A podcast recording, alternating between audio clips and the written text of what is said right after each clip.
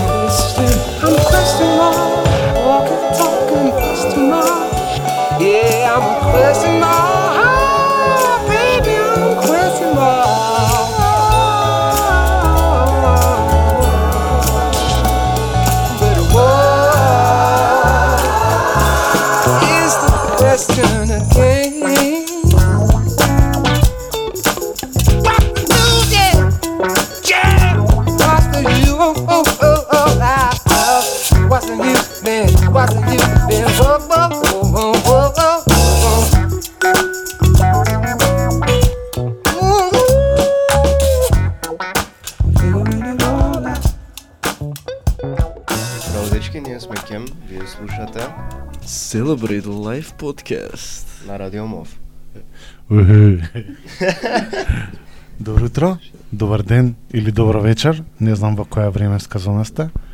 Техничарот вика дека сме окей, тоа е најбитно. Со мене денеска се Кем и вие сте во 78-та епизода на Celebrate Life Podcast или 16-та или 70-та епизода на AM Show. Јас сум Индок, денеска со мене се Марко Марко, Катја, Катерина, да, Катерина и Емир. Извини Катерина, не сум кретен, не обично памтам луѓе, ама денеска ете малце блок. Дечки, фала што дојавте. Нема на шо? Ние сме дечки, вие сте кем. Започнавме со а, со прекрасната нивна песна од албумот во 2022 година. Како беше чувството да се да се снима албум у пост корона, пост нов свет и прилично инди издание, селф релиста. Не знам дали беше и, и пост корона. 2022 да устари заврши. Мислам, мислам дека и ка Ама го почнавме во корона. во да за време за време на пандемија мислам дека го го почнавме. Дури не беше ни план баш албум само снимавме. Тоа тоа е нели после првиот обид за бенд што го имавме. What the Funk со Виктор Да, да, бубњарот да, од да. Луфтанза и Андрејчо, гитаристот што е на Луфтанза. Тоа мислам дека сите го имаат кажано пандемијата колку што донесе лошо, мислам дека и Донеси добро. доволно добро, Да, да, може да. не многу, сега да, да не даваме премногу значење, Да. ама донесе нешто. Вие као прво бевте пет луѓе, така? Или не? Не. Или грешка сум ја? Каде- То Грешка ние сум. прво почнавме само а, јас, Кате и Марча. Прво почнавме само снимавме кај мене дома. Тоа Уште снимаме. уште снимаме кај мене дома. Не го плукај студиото бе, што му фали. Тамане, Битно тамане. имате кај да снимате. Битно имаме кај да Тоа снимаме. е Тоа е најбитно. Албумот е многу интересен. Ми се свига социјалниот контекст. Ми се Фала свигаат Фала многу. лириките ептен. Од кај инспирацијава? Кој е текстописецот?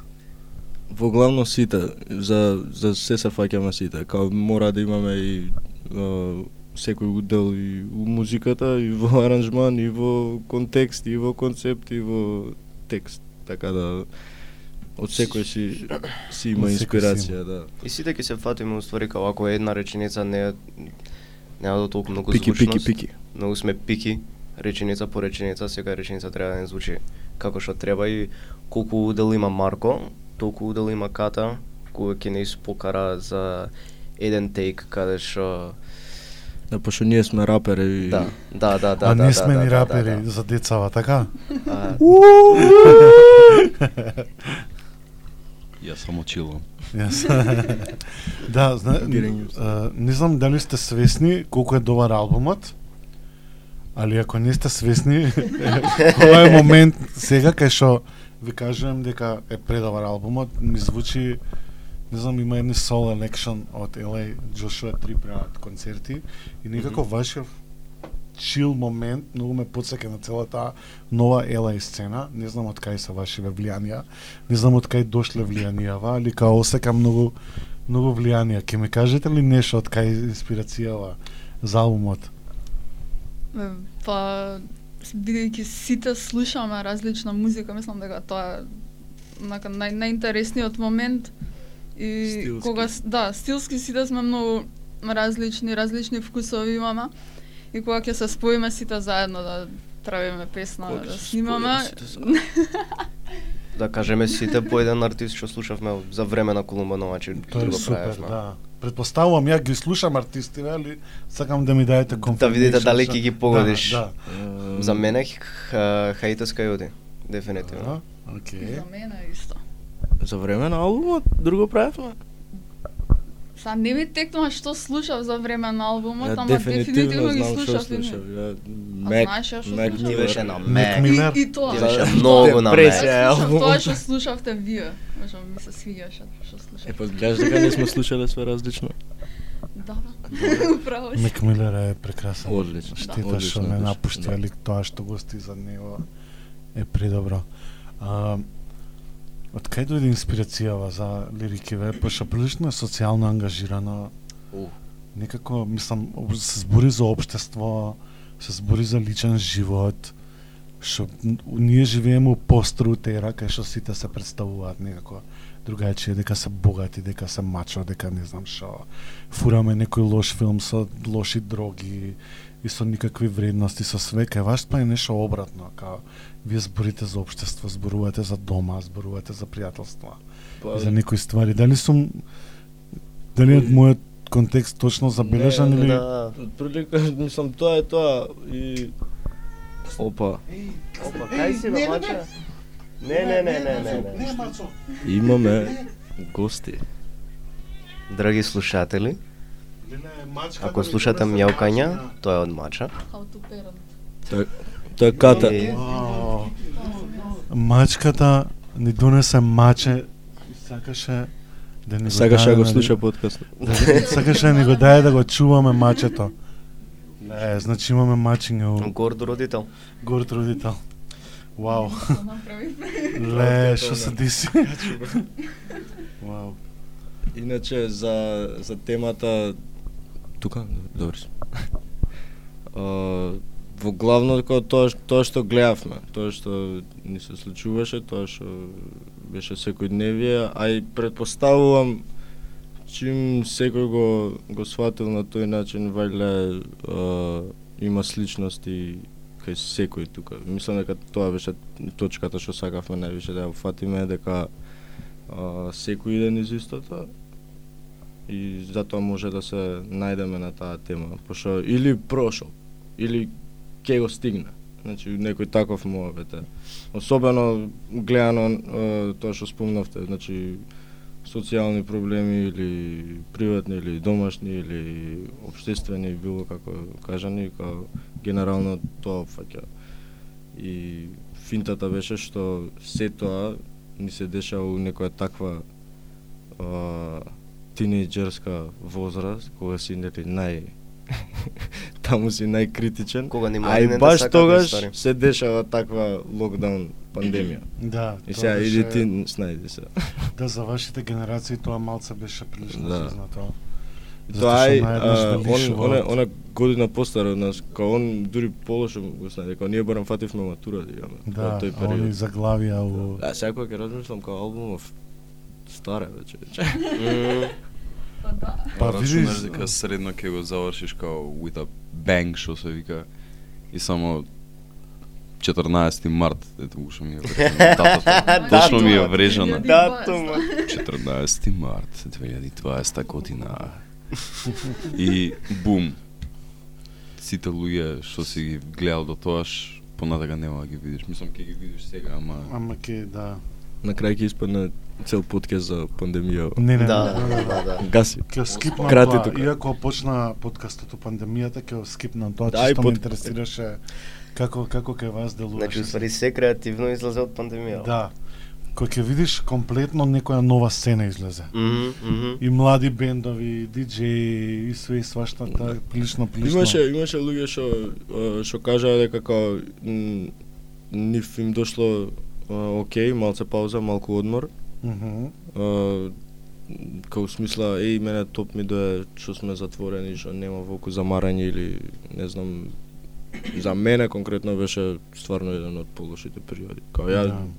сум човек поише што би сакал да е околу луѓе него ли сам дома. Апсолутно. Па ето и ја. испадна интроспективен албумот, пошто сите бевме сами. Од таму ни се а ни си ја филми. Добро работа со бендовиве и со неш музичари, искрено не е дека почна од корона, значи тоа се спремаше уште пред корона кога сите бевме нели во средно. Мгм. Имаше и средношколски бендови, ја и ти се запознавме во средно, ти текнала. Ја свирав Да, бе. Brainstorm, кој ме хајфаш од позади. Здраво Емре. Ти Хај Емре. Ти ми ти ми ти ми беше еден од омилените бумњари од тогаш, мислам. Од Фала ти, ова го кажав само Еден пошто сме на од подкаст. Иначе Еден не може да каже ова. Али ова се спремаше уште од порано и мислам дека све само од еднаш искочи како од фурна за време на Ис- испечен леп, испечени бендови, кифлички, кифлички, кифлички. Да, Емер Кепинг. Прети мач. Од друга страна, доека ловев Bandcamp, многу ме изненади, многу ми се допадна. На вашиот Linktree профил имате стајано фандрейзер за Сирија и Турција. И колку сметате дека емпатијата е дел од современото човештво? Мислам за мене е сочувствувањето на сите луѓе и така кој е битно како вие тоа го доживеавте затоа што имате уклучено фандрейзер и тоа некако многу ми изненади. Фала ви што што сте решили општествено да бидете поодговорни за Кога се може, ако се може, топ. Само мене ме плаши денес емпатија да не е фейк, искрено. Да, Тоа е главна у дебата. сред ера живееме, да, така М. да. И тоа е легит што го кажеш. Апсолутно се согласен. Добро. Како како си пројавте на Engage Takeover-от? Не, многу ми се свигаше Оу, концертот. Супер. Да. Супер, бев, беше бев премногу изненадан од младите бендови. Ниандра беа супер, Ренд ми беа мислам омилени, пошто имам слабо, слаба точка за метал. Така. Слава срце. Ми беа омилени, пошто Да, и мене беа Орце екипа, јас сум од Орце и вака не, со некој се знам, некои ми се познати. Пошто се Шаут аут то Орца. шаута од Орца. Ја и Емир. И Ја не само што се од Орце и што се фул женски бенд, ту стварно многу ми се свигаше музиката и како и тоа што се, се гледа дека пробуваат да експериментираат и ептен успешно го прават тоа, така поздрав до дечките. А и баш кај фан факт, а, песните авторски што им се ги направија, мислам, еден месец пред Engage. За за Сивер Чисто збориш? за онака, да, за Сивер, за Сивер, чисто Може за би онака, само го кажам како мислам дека дури и помалку, како две недели нешто така. Пошто знам а, задружиме со Леа и со Сивер taken друг бенд. И Сивер taken over. Мислам дека не ни има така, тоа дека зборам. Не не ни има име финално како 10 да, као дена пред пред. се вика 10, Да, па прво наеднаш 10, се да. прекрстил Сивер. Да. А ја и Емир си го сакаме малце металот така и затоа си we had our fun times на Engage. Единствените металци у бендот. Па единственото од четворица тоа ти е 50% популација, сега ти види. Ја филми, ја Let the филми. metal flow. Ма да Не, има метал, се, метал ама. revival, има видов некој фестивал у Битола. Да, да. Metal Фул на- Discharge. Фул народ, браво, нека. Да, исто тоа, многу ми се свига Раде таму свиреше. има апрейзинг на нова а, култура, на нови бендови, дај да не кажам underground, пошто debatable што е underground денеска, али ми е драго што младите генерации не се скрос поробени од селјаштво и онака го гледам тоа по улици, гледам и луѓе алтернативни, и луѓе другачи облечени, гледам пак пирсови. Мене ми е како ревайвал на 2000-ти, ја кога бев колку вас и тоа ми е фасинантно сега што ја гледам таа пак култура на толку многу високо и некои нови хип-хопови и све и свашта, пошто као имаше еден период кога тотално беше некоја удолница. Дали од мојот впечаток на место или може би само ја сум преексајтед дека гледам нешто различно на улици у Скопје. Тоа исто Па и да, ама не. на прошло што го имавме а, подкаст интервју, М. го спомнавме како дека имаше едно време Суша. да, Да, да, да, да, од, да, да, да, од да. креативност и, И само сега има бум. Да, сега има само и тоа го зборавме како уште поише да има. Пошто така више доаѓаш до оно што го викаме ние сцена, Мгм. е сцена Да, дека да, ама факт е дека пет души сцена ти треба. Да, ама факт е дека има нова сцена, еве на Engage ни се докажа таму као илјада луѓе скоро имаше. Да, тоа Но- ќе кажав као супер сите мислам дека супер си поминавме и и Штета што не си еба времето, ама па уствари не не еба. да, кој Као требаше требаше уствари само малце да го прикриеме, да почекаме и да си остане надвор. Надвор ќе беше стварно супер. Да, ама не можевме да ризикуваме да, не пропадне нешто три месеци што сме го- да, да. А иначе Супер. да, и како настапувачи, и како публика, и како општо само евентче беше супер. Топ. И стварно а, голема фала до секој што го направи тоа. Да. Да се надеваме дека ќе не се повтори во блиска иднина. Shout out до Роуска. Роуз, Роуз. Shout out Rose, shout out Раде, тонецот. Да. Раде чекаме Радец. аудио да знаеш. Фан факт, пошто спомна за Metal Discharge во Битола, Раде ни свираше таму заедно со Конспираси. А, да, видов. Така да и он си е фанатик на, Да, на, да. на металот, да не се зафркаваме Се сега. збираме, се збираме. А се Роуз збираме. че не, не, не представи сите како организацијата Goldline на што сме, кој што треба. И И Мартин. Мартин, Мартин. што, да, да, да. Shout out Мартин, Марче. Да, ај ке се вратиме Гола за планина. Гола планина. Да. Ке се вратиме за Гола планина после мала музичка вертира, пошто гледам ве вратив ја не може на цигара не можевте да излезете. А, Ке слушаме Кем Завист, но е новиот нивни сингл од 2023-та, Ептен Добар. И после тоа ќе го слушнеме Stick Figa and the Expert со песната Cost of Business исто од 2023-та година. Ова е AM Show. Марко, сакаш да кажеш? Stay tuned. Stay tuned. Е, пепе. Јас го изгубив паметот, изгубив се, ако чувствувам зависте, поради тебе. Прости ми ги мисливе, течат водопади. Да те баталам, размислував дневно барем по сто пати Откажи, после закажи, закажи, после откажи. Само да не сум сам при рака, се кад на топаци. Ми ти ми даде сила кога најмалку ја имав. Полна боја слика кога најмалку ја имав. Беше рамка цела сива, само сакам да те видам. Осетам и да те вдишам повторно за да ти имам. Ради у сон, зависте ноштом Сум со тебе се ми е ко замислено. Воопшто Не можев да трпам па те заменив со што. bilo, to je prvo no se beže Verdolasco, izgubi pamet moj, izgubi se. Ako čustvuvam zaviste, poradi tebe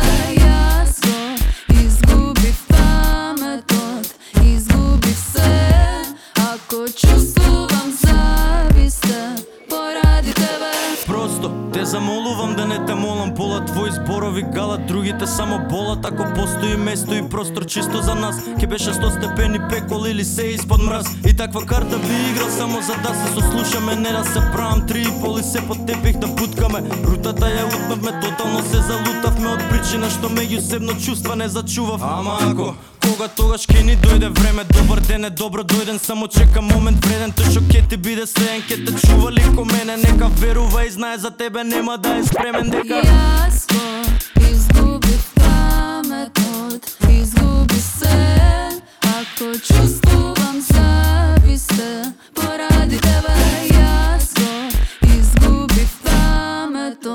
паметот, изгубив се, ако чувствувам зависте, поради тебе. Don't you know, don't you know, know But you don't know what you don't know. Hey. Bro, don't you know that you could die like that? No tint on the windows while you ride like that. don't you know that you could die like that? Wolfing on the ground, boys slide right fast. Don't you know that you could die like that? Ego tripping all the time, why you pride like that? Don't you know that you could die like that? Jack boys always watching when you shine like that. And all that faking with your image like that. Rented jewels, rented whips, gotta give it right back. Throwing halos on you demons when you timid like that. Hit dog on holler, get defensive like that. Uh. Everybody ain't got vision like that.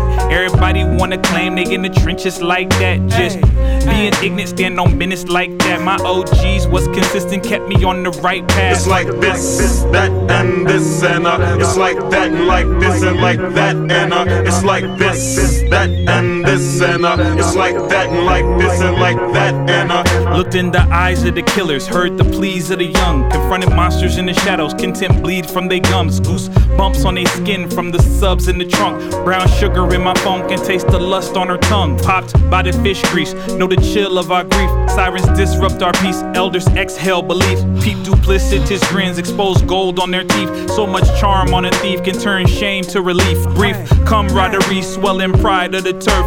Bonded by the joy of loss, all the ways life can hurt. Uh-huh. Near misses of your own, seeing life in reverse. Catching glimpses of the future after your first child's birth. No space for a blessing if you harboring resentment. Remnants of your spoils can't achieve true contentment. Operate from scarcity. Any loss requires vengeance, indifference towards spilled blood. Just the cost of doing business. Don't you know that you could die like that? It's like no that. tint on the windows when you ride like that. It's like that. Don't you know that you could die like that? It's like that. Wolfing on the ground, boys slide right fast. It's like that. Don't you know that you could die like that? Ego tripping all the time, why you pride like that? It's like that. Don't you know that you could die like that? Jack boys always watching when you shine like that. It's like this, that, and this, and uh, it's like that, and like this, and like that, and uh, it's like this, this, and uh, it's like that, and like this, and like that, and uh, it's like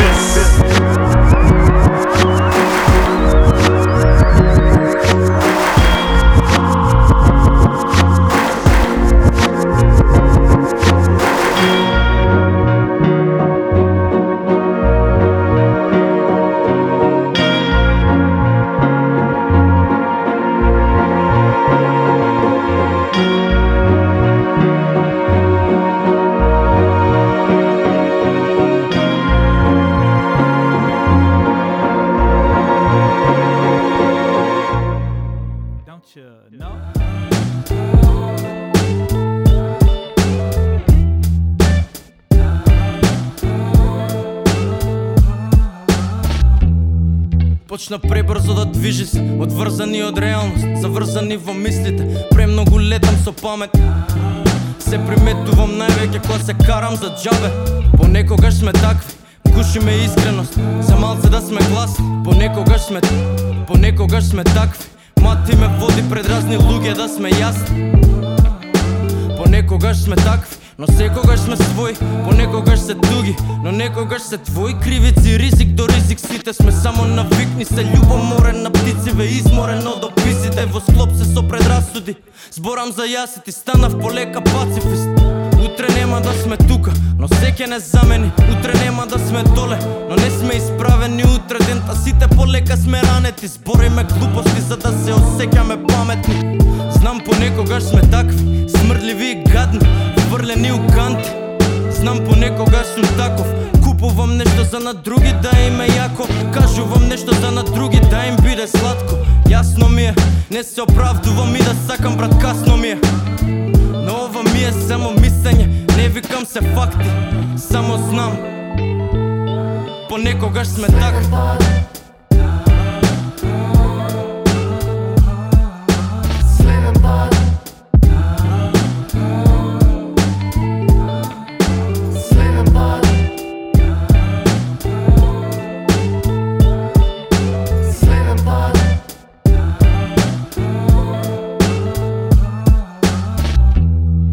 Почна пребрзо да движи се Одврзани од реалност Заврзани во мислите Премногу летам со памет. Се приметувам највеќе кога станот е празен. Мама е на работа Тато не ми крева и да ми креваш Искрено немаше многу да менја. Понекогаш се такви Некогаш се срекни, некогаш се тажни Некогаш е мир во куќа, друг пат се кавги Некад провоцира. Ме тера да интервенирам као шо е нервираш, а ти па шо му реагираш? Те молам иди у соба, немој ти да ме фрустрираш. Се уште не разбираш. Мала си, Ке сватиш со време подобро глеј да не ти се деси исто во и на тебе. Понекогаш сме такви и знам дека ти штети И знам дека се караме, а знам дека ти ветив дека нема пак. Но тоа не е клетвата, карактерно сме слаби, не ја трпиме промената. Само не знам зашо треба да сум таа шо ке пати, шо ке чисти по вас и шо ке трпи ваши маки. Не знам дали ме свати, само знам Понекогаш се така.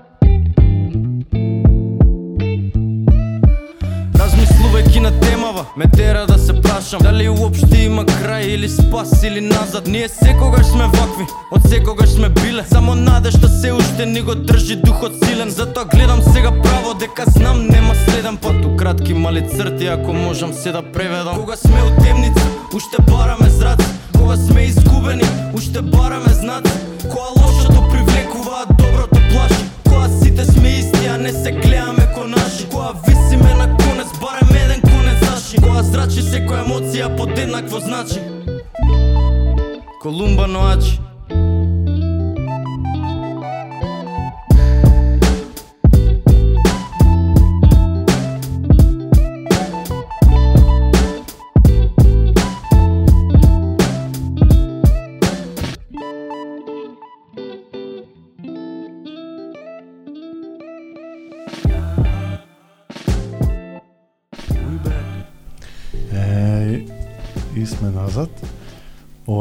шоу. Денеска со мене се Кем, Марко, Марко Кате и Емир. Минатата година го издадува својот албум. Денеска слушам исто песни од тој албум. Ја слушнавме после Stick Figa and Expert Cost of Business, Antideluvian, Предобра песна, предобар текст. Малце ќе кажеме ли нешто за текстов? Мене многу ме интересира позадината на текстов, пошто многу ми се многу ми се свига и така малце ептен personal favorite ми е. Значи ги слушаме само песните што ми се неката. Слушаш. Али али сакам нешто поише ако може да откатнеме за за текстов. Ајде, Морче. Прво за, за сингловите. Прво ја извадивме Не си сам, август, и после беше битката на Кате синголот и мојот сингол. Тоа беше целосна војна. Да. Значи не бе, да, не беше битка, војна беше. И и Кате ме истепа, си прифаќам пораз. Ама во во long run се надевам дека ќе претицам се, со со перцепција како ја Пробај. сваќаат. Да, ќе пробам. Пробај и мисли си. Како е чувството да се свири со тројца машки? Ние неколку пати отворивме темата Тапа. тука дека нема женски бендови и Сиверт као ни се хајлајт у моментов и Црно собрание, нели, они исто кавери свират, ама какво е чувството да свириш со со момци у бенд? Мислам не дека е нешто невообично, али очигледно е дека има тука као што вика Марко некој battles. Или не? Тоа беше на лично, Тоа- ја и она само. Аха. Нема врска. Да, тоа е лично, нема врска со машки и женски.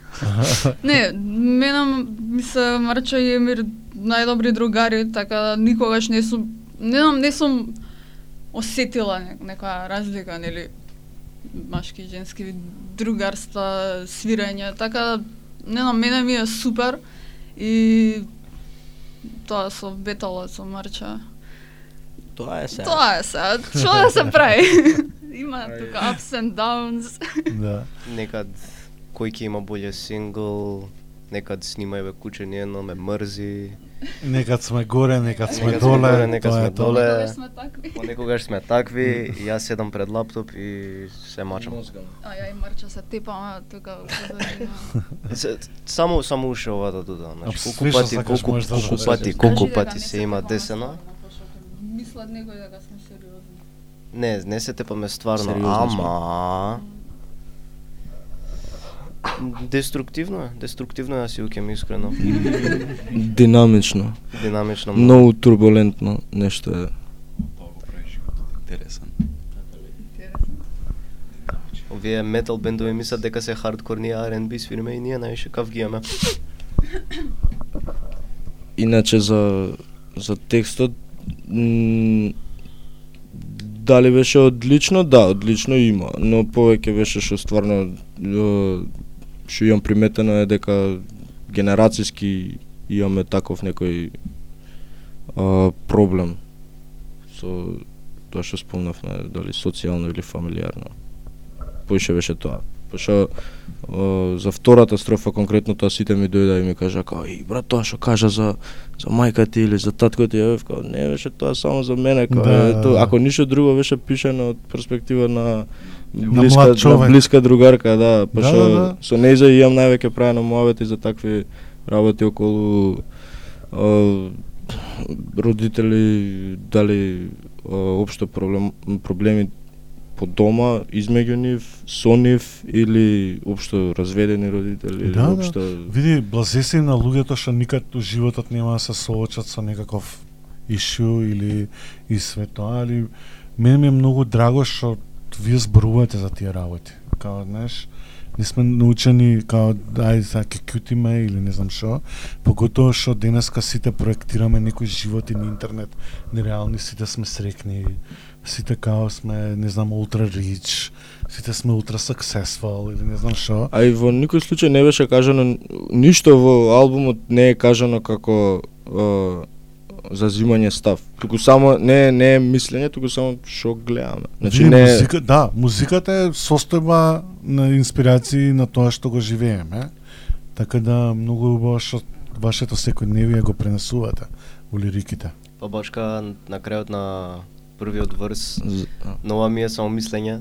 Не Да, да, да, факти. да, да, да, скроз, значи не не беше моментот дека еј ова е лошо, сите што го правиме пошто не знам е, дали за е, дека сме дека матиме вода пред ра- разни луѓе, дека гушиме искреност, дека не знам купувам ова, правам вака, зборам, значи не не викам дека е лошо, само такви Не сме, знам, како мене ми тоа е, као Понекогаш. младината, Понекад. понекад.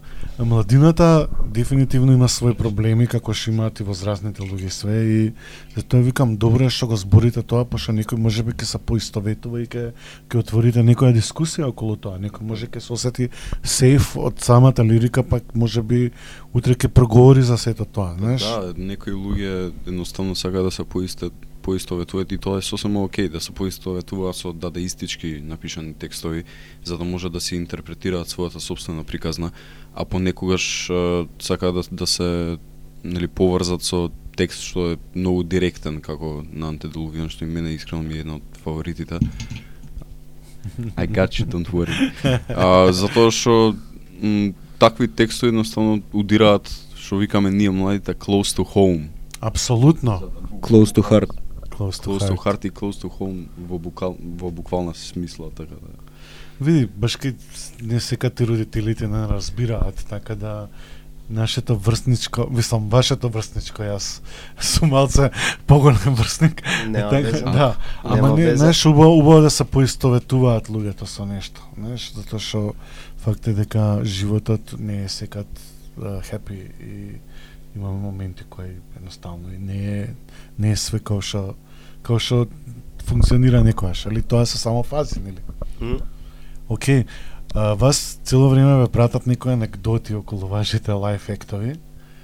Сакаме ли нешто да, да споделиме за тоа? Значи, де нешто сајзерче, де компјутер. Белја, белја. Белја. Дали тоа ви овозможи во моментот да правите импров сесии и да се вадите? Или едноставно сте навикнати ќе и чекате да се, само? Да, ќе почнам да се над, да се надевам дека ќе се случува тоа секоја Свирка, да, за пошто нешто ако ако да, да. ако отиде све супер, Нешто не е уредно. нешто Не, не е, не. да. А, од прилика неколку а, Од- од проблеми прва- што се имаат. прва Не само од свирка. прва свирка, што ни беше во Биртија, у склоп со Visionary Records, Како гости, како гости, Shout out до Visionary. Shout out поздрав Visionary. Visionary, Visionary да пратите. Records, а, наше другарчиња, да, да, да, екипа, исто музика што се снимаат, исто инди. А, генерално сличен период почнавме врсници, Супер, да ме пратите. си се држиме. Се екипа. Дела. Значи Орца доминира у Орца. бендовиве, а? Орца доминира у бендовиве. Ам, Ивиш Корчагинец, ова уопште не ми се свиѓа. Ја музичко завршив. Ја Уметничко. музичко завршив. Добро, лаво, он уметничко. Мислам дека јас сум единствен од моја генерација кој што прави авторска музика, така да I'm alone in Е, this man. feels- смири се. It feels, Дај. it feels, Добро е, it добро feels е. lonely. А, али да се на- навратам на брзински. А, пред нашата прва свирка, Биртија ни падна пепелјарата и Марче искоментира а пред ќе се пред деси. да пред значи само што тргнавме за на за за настапот ни турнавме пепелјара си дававме поглед знаевме Нешто се спремивме психофизички стигнавме таму и падна лаптоп се исклучија кабли фонија се дешава пиво Пиво. се истори се враќаме после рекламите ЕПП среќа имаше добра еднака перцепција публиката така го свати комично дури кога да е испланирано М, Не, се е испланирано, немаме ние никакви утки. А, после беше а, Шорт Шорт- бас, Мене ми го Шорт пофалија концертот у Шорт бас тој као акустик што би бил некој. тајни дескот. Такви сакаме како повеќе да правиме ради што највеќе лежат на на албумот. Не не лежи многу изгасени светла, Да. неон светла од сегдека, темница, журка, рипаат, сите повеќе Не знаеш зашо јас скроз би сакал тоа да го слушнам, пошто некако многу интимен ми е вашиот албум, барем ја така го го доживеав, лириките некако се поистоветувам. Баш кај сум таков емотивен, многу ја го обожавам Френк. Оушен, Апсол, Мек Милер, као знаеш, тоа се моите фейв артисти и некако така ме ме дирна ова све, така да next uh, Tiny Desk, не Tiny Desk, обавезно ме викате и на мов да го покриеме тоа исто. Дефинитивно. може нешто такво. Што е следно од Кен? Као гледам дека пуно работите, Опа, Камен, можеме нешто да кажеме? ајде, ајде, марша, марша. Ајде, ајде, ајде. Камен, пламен. Татко. камен.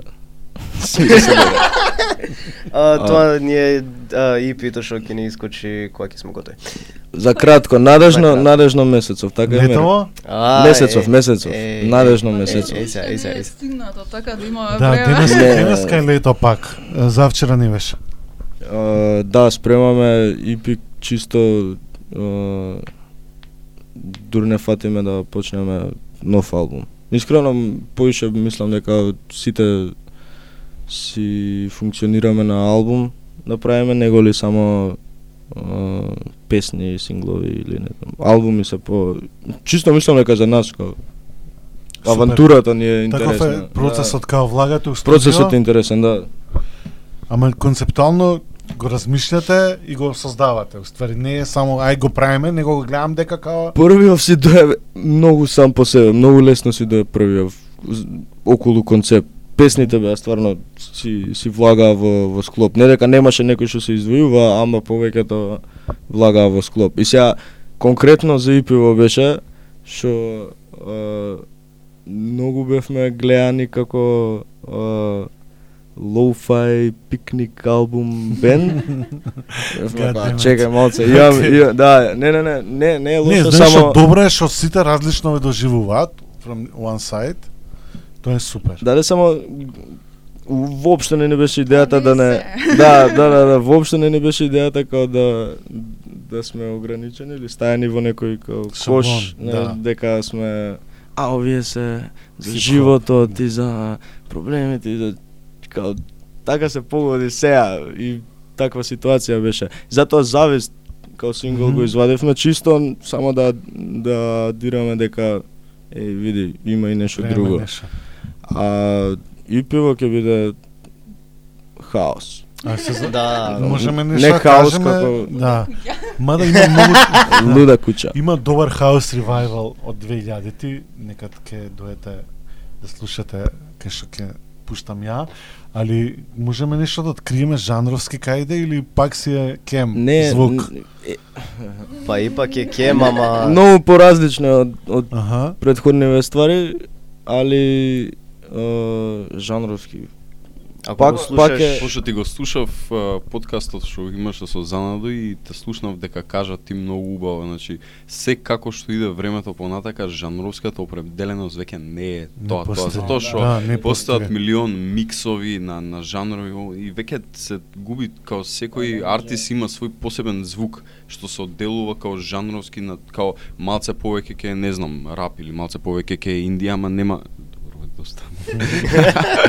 ама да као истото важи и за нас, не, не само за нас, него и за, за сите други бендови веќе си не гледаме да се определиме жанровски, гледаме повеќе да, да си правиме нешто што нас Да. ќе ни Да. се свига. Музика добра си има добра музика. Тоа е сагнифисан за Гола планина ствари, што се сите ја како викам новите Тейм Екипа. Импаловци бендови. А, Ова го повторувам неколку пати.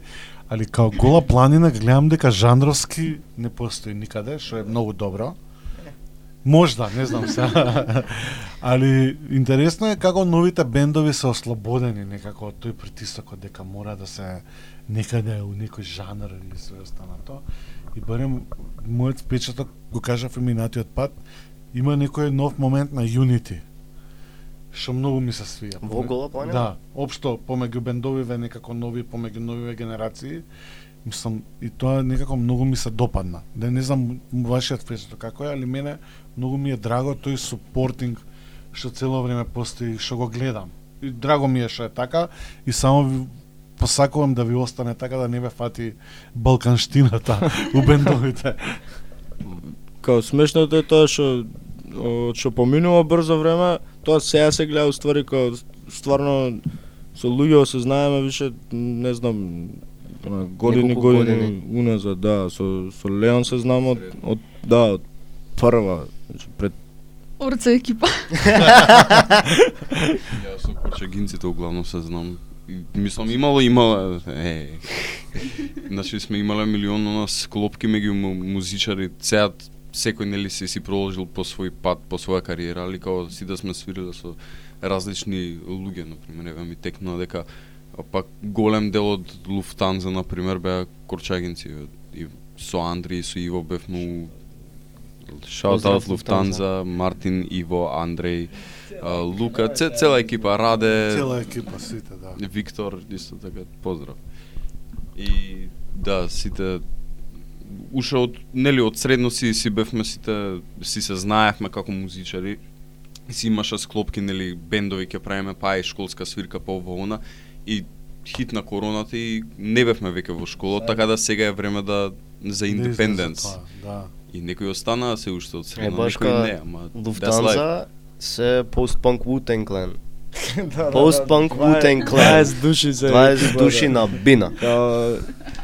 Значи вечер настапуваат Lufthansa, Vagina Corporation, Дивоградба. Дивоградба И Харикири. и Харикири. Ловам. Ловам. Пола гола планина. Емир, ти си продуцент на албумот. Yes. Што да очекуваме? Дали ќе смениш некој инструмент? Нешто у Он албумот ќе си ги менја не се како знае? А, Дали останувате на своите инструменти или ќе ги менјате? Ја морам, немам избор. Ти- Како- секако, да. као што Конги можеш да фати. некој план за уиднина, за некоја идна свирка. како што менјам чорапи, така менјам инструменти. А, Супер. Па добро, тоа е. Океј, за ипиво, повеќето би кажал дека е избазирано врз семпл. А, имаме ако ако го слушаш Оливер Мандич, тоаш многу ќе ти се свига втората Ми се песна, не беше? Прва. Првата, првата. Клемнич. Знаеш што, ако Окац не слуша од Beta Fish, нека ви го даде тој големиот синтесайзер. Е, да, да, да. Како да, се да, викаше да, да. тој сайзерот кај што свири Оливер Мандич? Онаков преголем аха, цел аналоген што е со 500 Целиот, милион мислам дека а, Окац каблиња. Beta Fish има таков сайзер, така да ако не слуша Окац, леле да, тоа е преако како свири Окац, таму. молим вас. Иначе многу ме нервира моментот со Оливер Мандиш дека е станат четник, као по таква прогресивна фаца и као дрек и све останато наеднаш станува ултранационалист. А, д- Што е одвратно, на No idea. Али тоа што го има појма. оставено како творештво е преако. Ептен. Добро, и значи, така, А, так, таа па- бас линија ќе има на Сайзер? Таа бас ли- бас ли ла ла ла. Не можам да зборам. Трема, трема. Окей, А, пауза, пауза, пауза. На да се напијам во даден момент. Дете му шеќер. Не може тако, френда. как да, да, да. А, окей, повеќе ал EP-то е избазирано врз семплови и да, има една песна што е многу инспирација од Оливер Мандич. И EP-то е поише на другиот спектрум. На спектрумот е на спектрумот е дефинитивно. дефинитивно. А, И не е Ичко Колумба Ноач. Многу ми е интересно како Емир вака си објасна. Ние ја ја кати и Марче само си чиламе убаво ние што си имаме покет продусер. Види, Еден месец, има, да, еден месец го затвараме во подрум, нека нека прави. нека твори. Ко, кога го направиш пламен камен татко, го направиш. Ке ќе го Така, извадиме лаво, до тоа Значи, што нема ексклузивно искача. го добивме името, да. Останува, останува името. Ексклузивно тука. Камен, пламен, татко. Добро бе, добро. Извини што сум И нема да кажеме тоа што значи. Да, не, кажете кога ќе излезе. М, Шаут Кицо Праската. За Колумба? Да, да. Ај, стварно, кажете ми што значи имево на претходниот албум и што значи Кем исто. Ау, ајде Марче. Прашам што значи името Кем. на албумот. Колумбија Ноачи. Колумба, Колумба. Колумба, пардон. Не, и, И ние се и сите утнавте. Буенос ночес. Buenos noches, Aries. А, околу концептот беше темата во главно е а, надеж. Тоа треба да репрезентира цел албум или дека има надеж. Сега да не звучиме кич клише, али Колумба Ноачи е а, гуловот на на Ноe. Значи, превод поплава се дешава, бродот Ноевата и сега чека да дали има надеж, поминува гулаб, носи Маслиново. маслиново гранче, да, дерфор има копна. Има Значи, надеж, да. Значи, надежта што е целиве лирики е теа. Уствари од а кај во да- главно тоа. Преако. Еден Google search мислам дека им треба Мм. само на луѓе и ќе сватат. Па не, као побитно е дека кажете вие. Ако ако. Ај да, тоа као концепт не беше интересна ете паралела една да се удри на тоа. А за името уствари, да, с- а, а, не не за кем за као сите песни у албумот во главно си се крстени според што е песната, што е главниот збор, рефренот што и да е. Освен. Освен Анте Делувијан. Анте Делувијан беше последна направена за, за албумот и Емир ја крсти и он таму ископа некој уствари латински со латински. Колумба, значи Анте Делувијан значи уствари Смири се. Пред пред поплавата. Да, пред поплавата е Анте Делувијан и затоа решивме као, а чиме пред поплавата пушти ја као сингл. И башка тој и башка со Кате што имавме. Анте Некој Делувија многу дуел. интересно изгледа, ствари. Го имавме скоро албумот, така, листата да, готов, на песни. албумот имав. беше готов. Значи претпоставувам и ќе го извадевме без таа песна. Или сакавме нешто као само као сингл да ја пуштиме Да, таа да не да. влезе Да, во само албумот. сингл. И буквално у 90 влезе. И Добра што супер испадна, да. Значи немаше да имаме. Доста бе, доста. Немаше М, за значи што не да што се бифате вака сега. Кеме зашо си почнавме првично а, ние тројца да да снимаме и Немавме има. цела креативност ја фрливме на нашите текстови и музика, што немавме доволно креативност да смислиме боле име. И уствари не, првично дое од од Ким. Од Така? Ким, да, да. Од Ким. Од Ким. Па, еден до Jazz таму- Fusion бенд од бивша Југославија, кои што се Да, Ким многу добри. Као беа двајца. Журим, журим. Е, Љубиме баш, брзо, баш, љубиме брзо, Нежна жури. жури. Иначе, знаете дека од Скопје Кире Митров. Да, Да, преак е. Стражував многу за Многу него. добар, одличен интересен. И као му ја искористивме таа некоја негова мала цака на is Треба да Видиме да му пратиме на Кире Митров да слушне Кема. Кимикс Кем? Да, Оу, има, многу има, има некој Don't контакт, get me excited. мислам од него. Тошо, Тошо Филиповски еднаш правеше интервју на 103 Може треба да го прашаме Тошо да ни да ни даде некој контакт да му пратиме. Супер. Сакате да правиме пауза малце? Па, Се, ја не ја би, Не? Ти би, ја не би, ја би да Лист Ајде. камен збориме. ножички. Ајде да зборим Лист уште. камен, Добро, ја можам да зборам. Да не ве да не ве прегорам. Не бе. Не, уопште. А, како е да се биде инди бенд денеска на нашето тло? Многу лесно. Лабо. А, многу лесно, само ти требат, тачно, ке ти треба. Емир ја ша... Не. А, еден емир ке ти треба. шала на страна, а, многу сме срекни што го имаме Емир. шала на страна, пошо продуцента ка- битна алка Да, реално да, да. ден, така да. као баш а, вчера со тебе зборевме за со за со Димиш. Не. За колку ме сакате и колку ме почитувате. Значи други бендови ќе ќе смислат значи текст, музика што и да е и треба сега да иде да бараат студио, да бараат човек за миксање, да бараат, да, значи Буџет да се одвојува. пари да се одвојува за тоа. И шала на страна тоа кога го имаш у едно цело пакување и се вика Емир и го имаш у твојот бенд, тоа некако онака ти дава малце ветер у грб и е, онака advantage.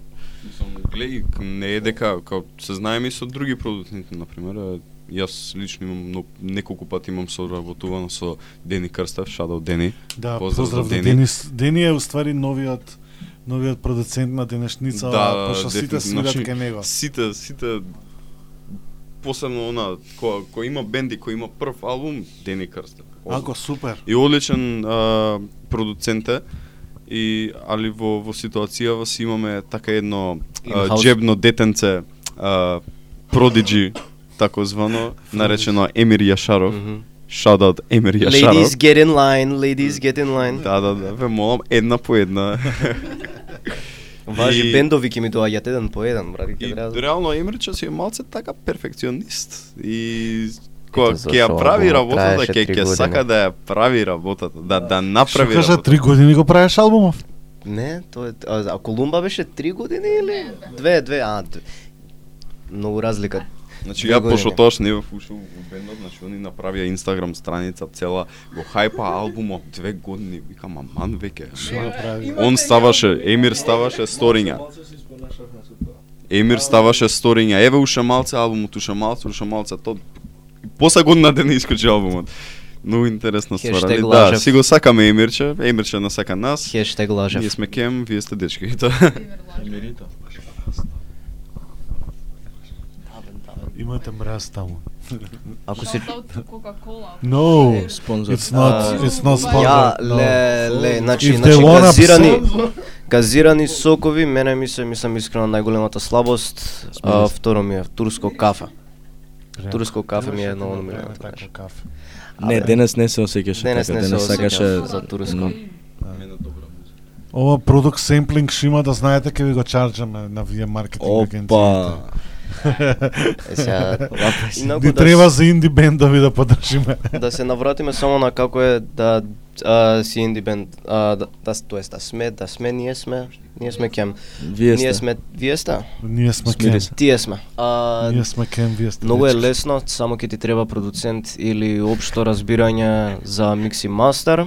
Фактички а, и ќе ти требаат колку беше 20 евро годишно за дистрокит? Out Толку for е, hire. Или толку 10 ефтино евро? 20. А, планираме беше тоа да го 10 или баталиме. 20 евро? Не, не ради пари да ама као стварно освен за не знам, као за Spotify мислам. Да, ама Не, е албумов- супер, дистрокит е Ја супер. мислам дека е добро дистрокит. Пошто албумов го има и на Apple Music и на Spotify. А, па Да, го има и да. на Bandcamp, идете чукнете некој долар на Bandcamp. Го има некој на Apple Music купено? А, Јас. не. на Apple Music. Со, со амерички акаунт иначе. Прин го купив таму, ама не можев да го извадам од Apple Music. Не знам зашо, пошто имам македонски Apple акаунт, имам и амерички Apple акаунт, не можев да го извадам од таму. Е, па Заради пос... тоа те терав на Bandcamp да го закачуваш. Е, па после подкастот ќе видиме како Да. може усимнеш. Следем А, работа. Ќе средам работа. Јас како in-house продуцент. А, прелесно е да вадиш а, независна музика последен период. Да, многу ми е драго, знаеш, пошто у минатото беше моментот ле кој ќе ми го издаде албумот и све останато, а ја цел живот хардкор и панк бендови гледам како прават селф-релист изданија. И знаеш, тоа не е никаква пречка, едноставно само треба да твориш. Па Македонија ние уште сме тоест долго време само бевме на CD-ња и YouTube. Тек сега почна мислам повеќе тоа. Не, болја музика тогаш. Не, али за за инди според мене мислам дека да и да немавме таа опција, као на крај краишта кај мене у глава беше пак само сними го, заврши И го, го, стави да. го на YouTube. Па не као Стави го колку било SoundCloud каде, музика, добра рапери, онакви неверојатни Не. бендови сум слушал, што се ден, па да не забораваме Lil Peep, почна као SoundCloud рапер, онака као... Цело 2016. Цела Као 2016. цела 2016 беше. SoundCloud рапери, онакви бендови, така да не Да, мене ми се свига таа бариера што се надмина дека мора да имаш издавачка куќа и све останато. А работиш за други бендови Мимир или не, само за за кем? Захар само Па тоа. ќе настапувам на Дфест со Мија Перевска. Со ми се свига музика. Мија Перевска. Мија Перевска е супер и ќе настапувам донесено со тука? Не, треба да Ќе ја донесам. ќе ја донесам. Ја и Емирче ќе се дружиме на Дфест. Овие двајца не не да дружат други. Не не дружат.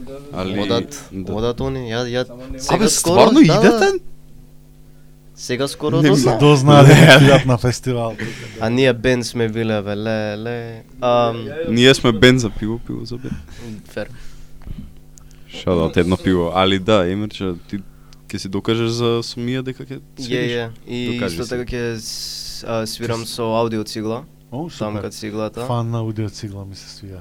Одлично. Дамка е Супер најголемото срце, а, преталентиран и носи нов бран на музика тука у Да, што би рекол Леон на новиот бран има уште понов нов бран. Мгм. Што е Да. прекрасно, онака као... Значи детето blow up на I да му е на, Браво. на, на дечкото. А, Ви остана нешто мрч и дискови од Кем? Ништо Ништо? не остана, се е дечко. продаено.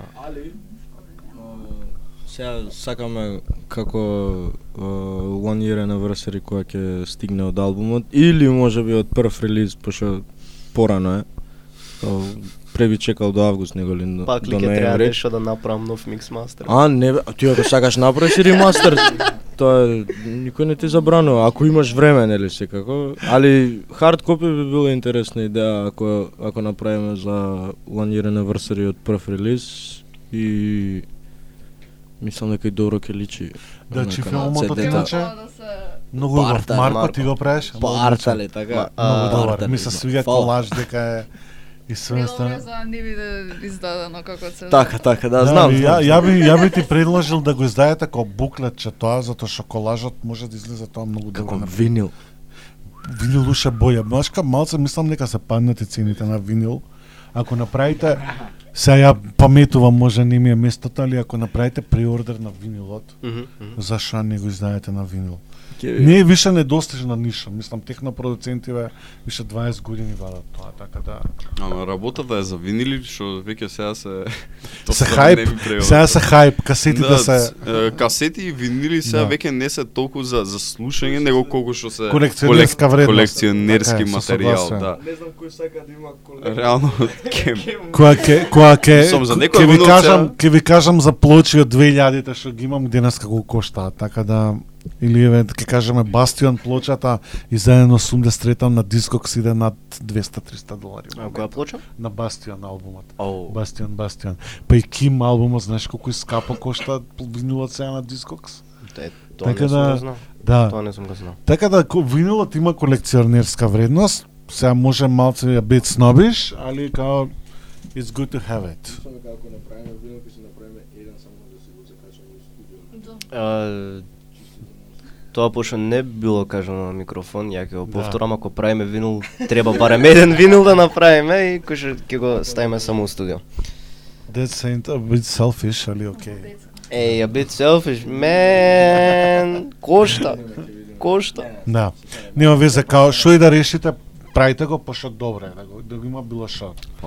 Мислам, факт е дека New Kids слушаат највише диджитал и онлайн слушаат, али нема везе, има некои што сакаат и да го, да го имаат као...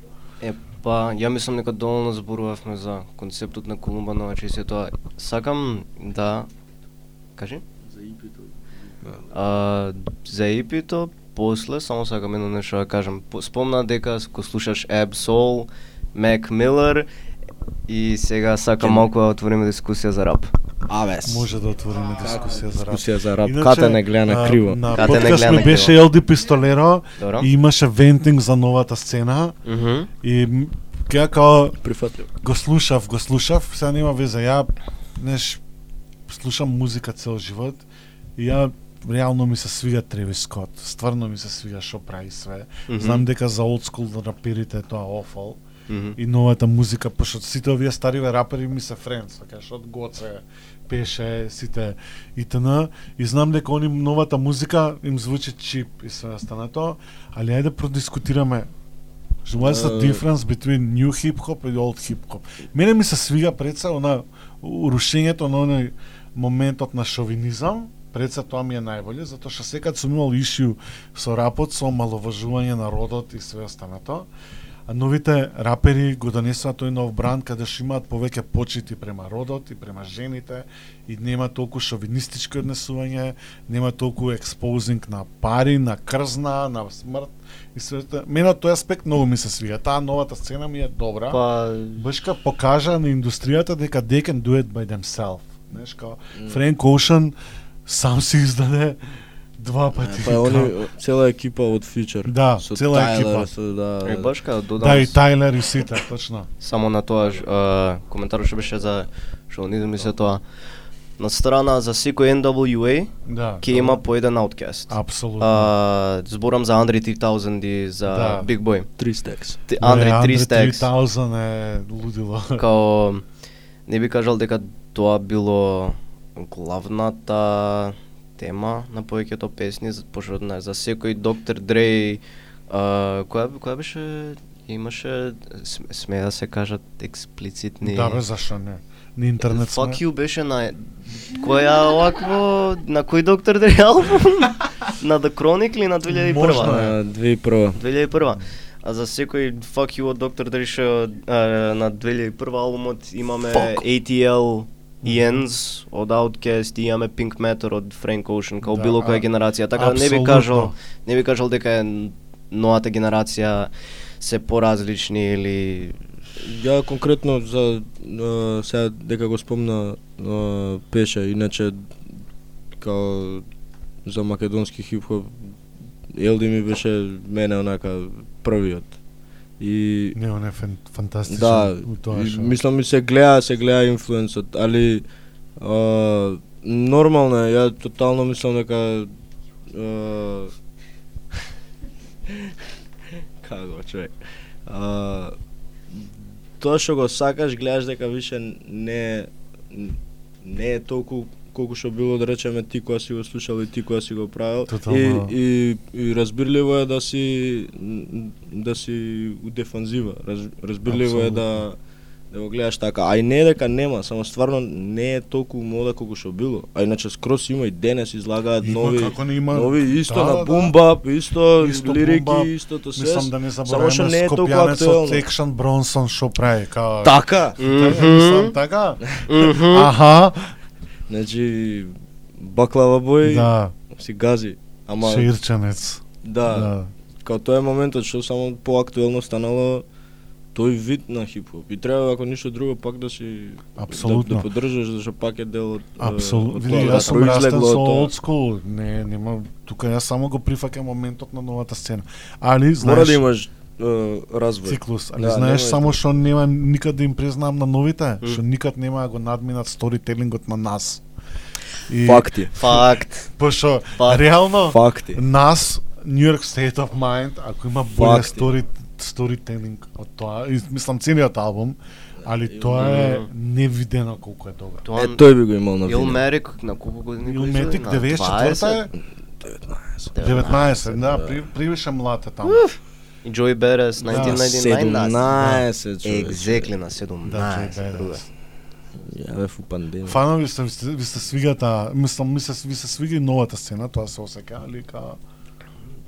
Слушаме се. Best of both worlds. Best of both worlds. Кате ти што слушаш од, од сите овие ствари што ги набројавме? Big Time Rush. Што им фали? Big Time Rush извади албум нов, треба да се слуша Е, да, не сум го, не знаев дека. Да, One детството. Ме зезајва. Бе. Не знам, слушам се, не слушам толку хип-хоп како нив. Задње време. Порано слушаш. Порано слушав. Да, корона време го слушав Филметик. Ти ми рече, имаш домашна, сега ќе слушаш хип-хоп. И ја тоа е добро битно за машина. Добро ќе слушам хип-хоп и го слушав тој Да, албум. да, да. Не знам, Tribe, Cold Quest ми се свијат.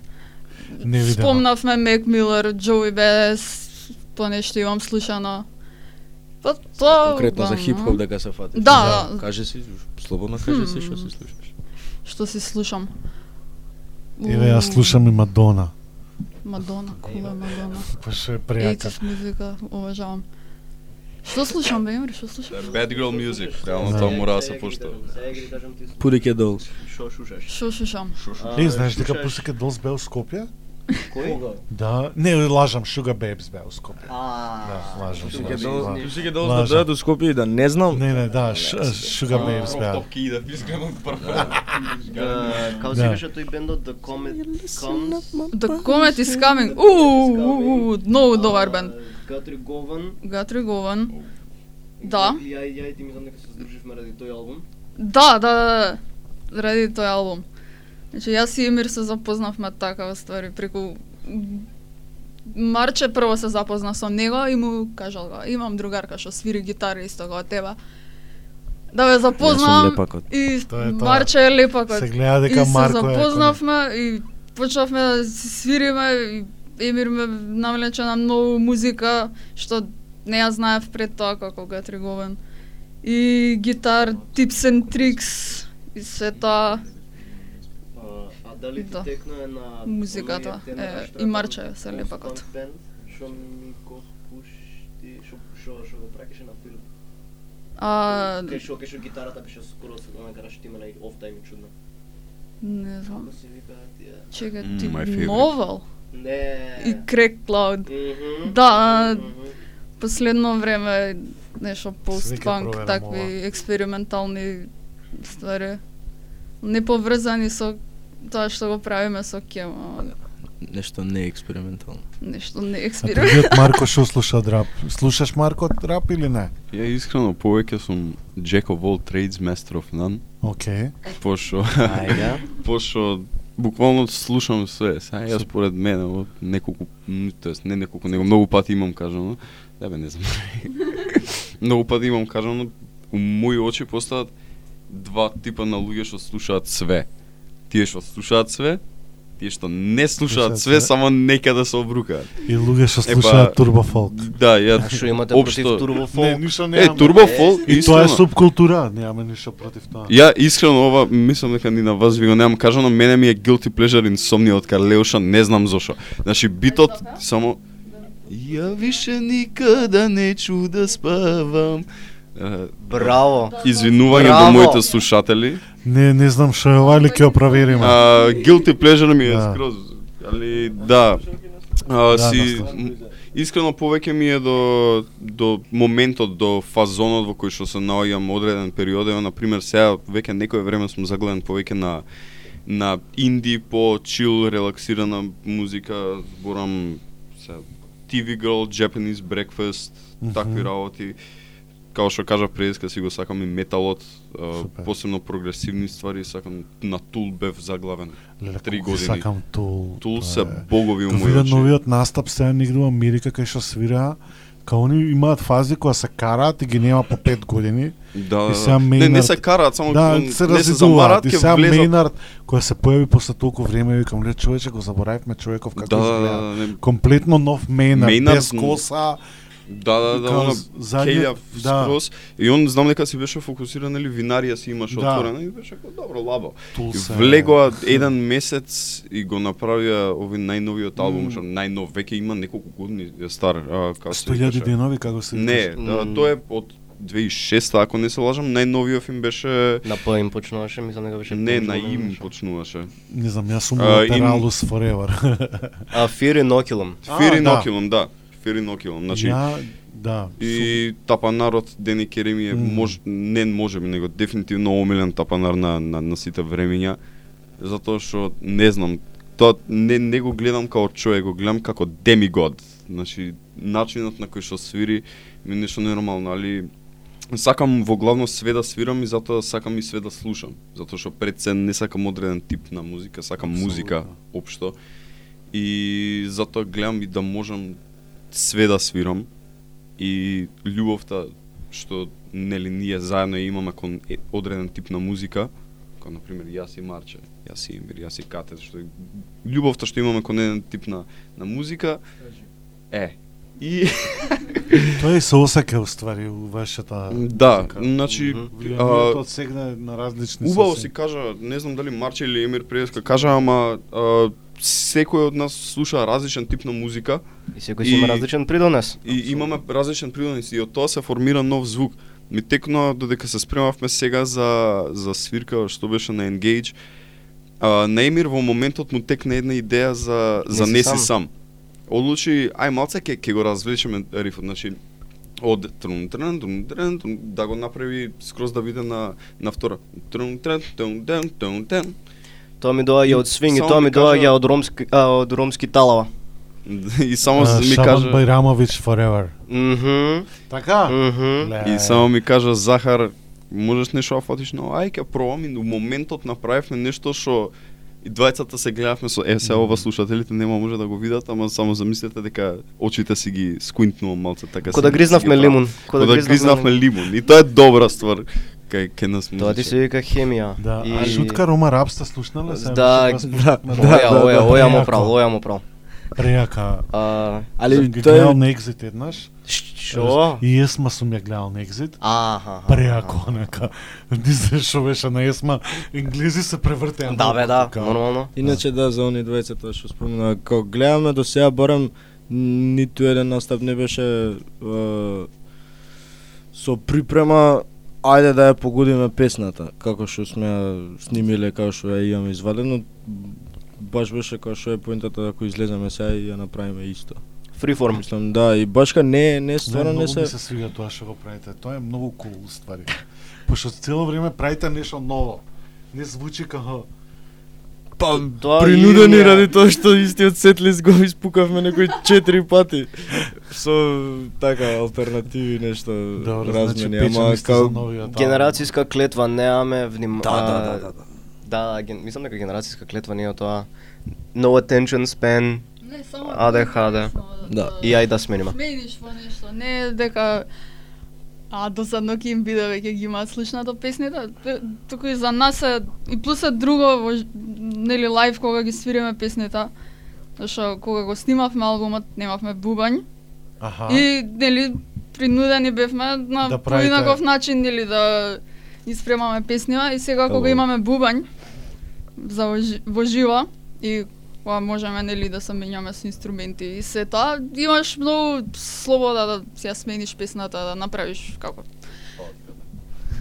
башка башка настап ко ко настап поише е, е цела представа, цело шоу. Не, дури сега нема да кажам, еј не е Да, вие толку сте као перформанс. Да, Вие не сте е баш- не дека е толку као нема да кажам, еј не е битна музиката, они дошле за музиката, тоа е факт, ама музиката ќе се слуша тоа. не- Ама сега финтата е од тебе ти да им ја That's why we Да. have MC. Тоа го имам, тоа го имам сватено уствари дека публиката кога ќе дојде на настап не сака на настапувачот артистот да да биде најстегнат у свет и да ја перформне песната баш како што е снимана и ништо повеќе, него сака да ја осетат Тоа е онака вештина, само што одредени ситуации си бараат одреден перформанс. Да, бе, да, апсолутно. Ние во тоа светло кај што бевме, поише бара што рече Слобода, да.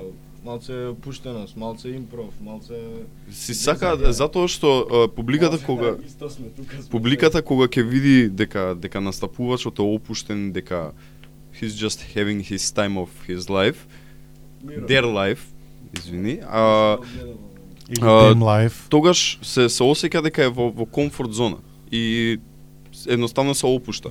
И реално нема нешто подобро од опуштена публика каде што знаеш дека ќе те прифатат, пошто ете така. А иначе да, се согласувам со Марко, не нема уопште врска некој едноставно а, супер име тоа што што звучат стегнато, али некој зависи од, реално од од а, од бенд, околината жанар до жанар.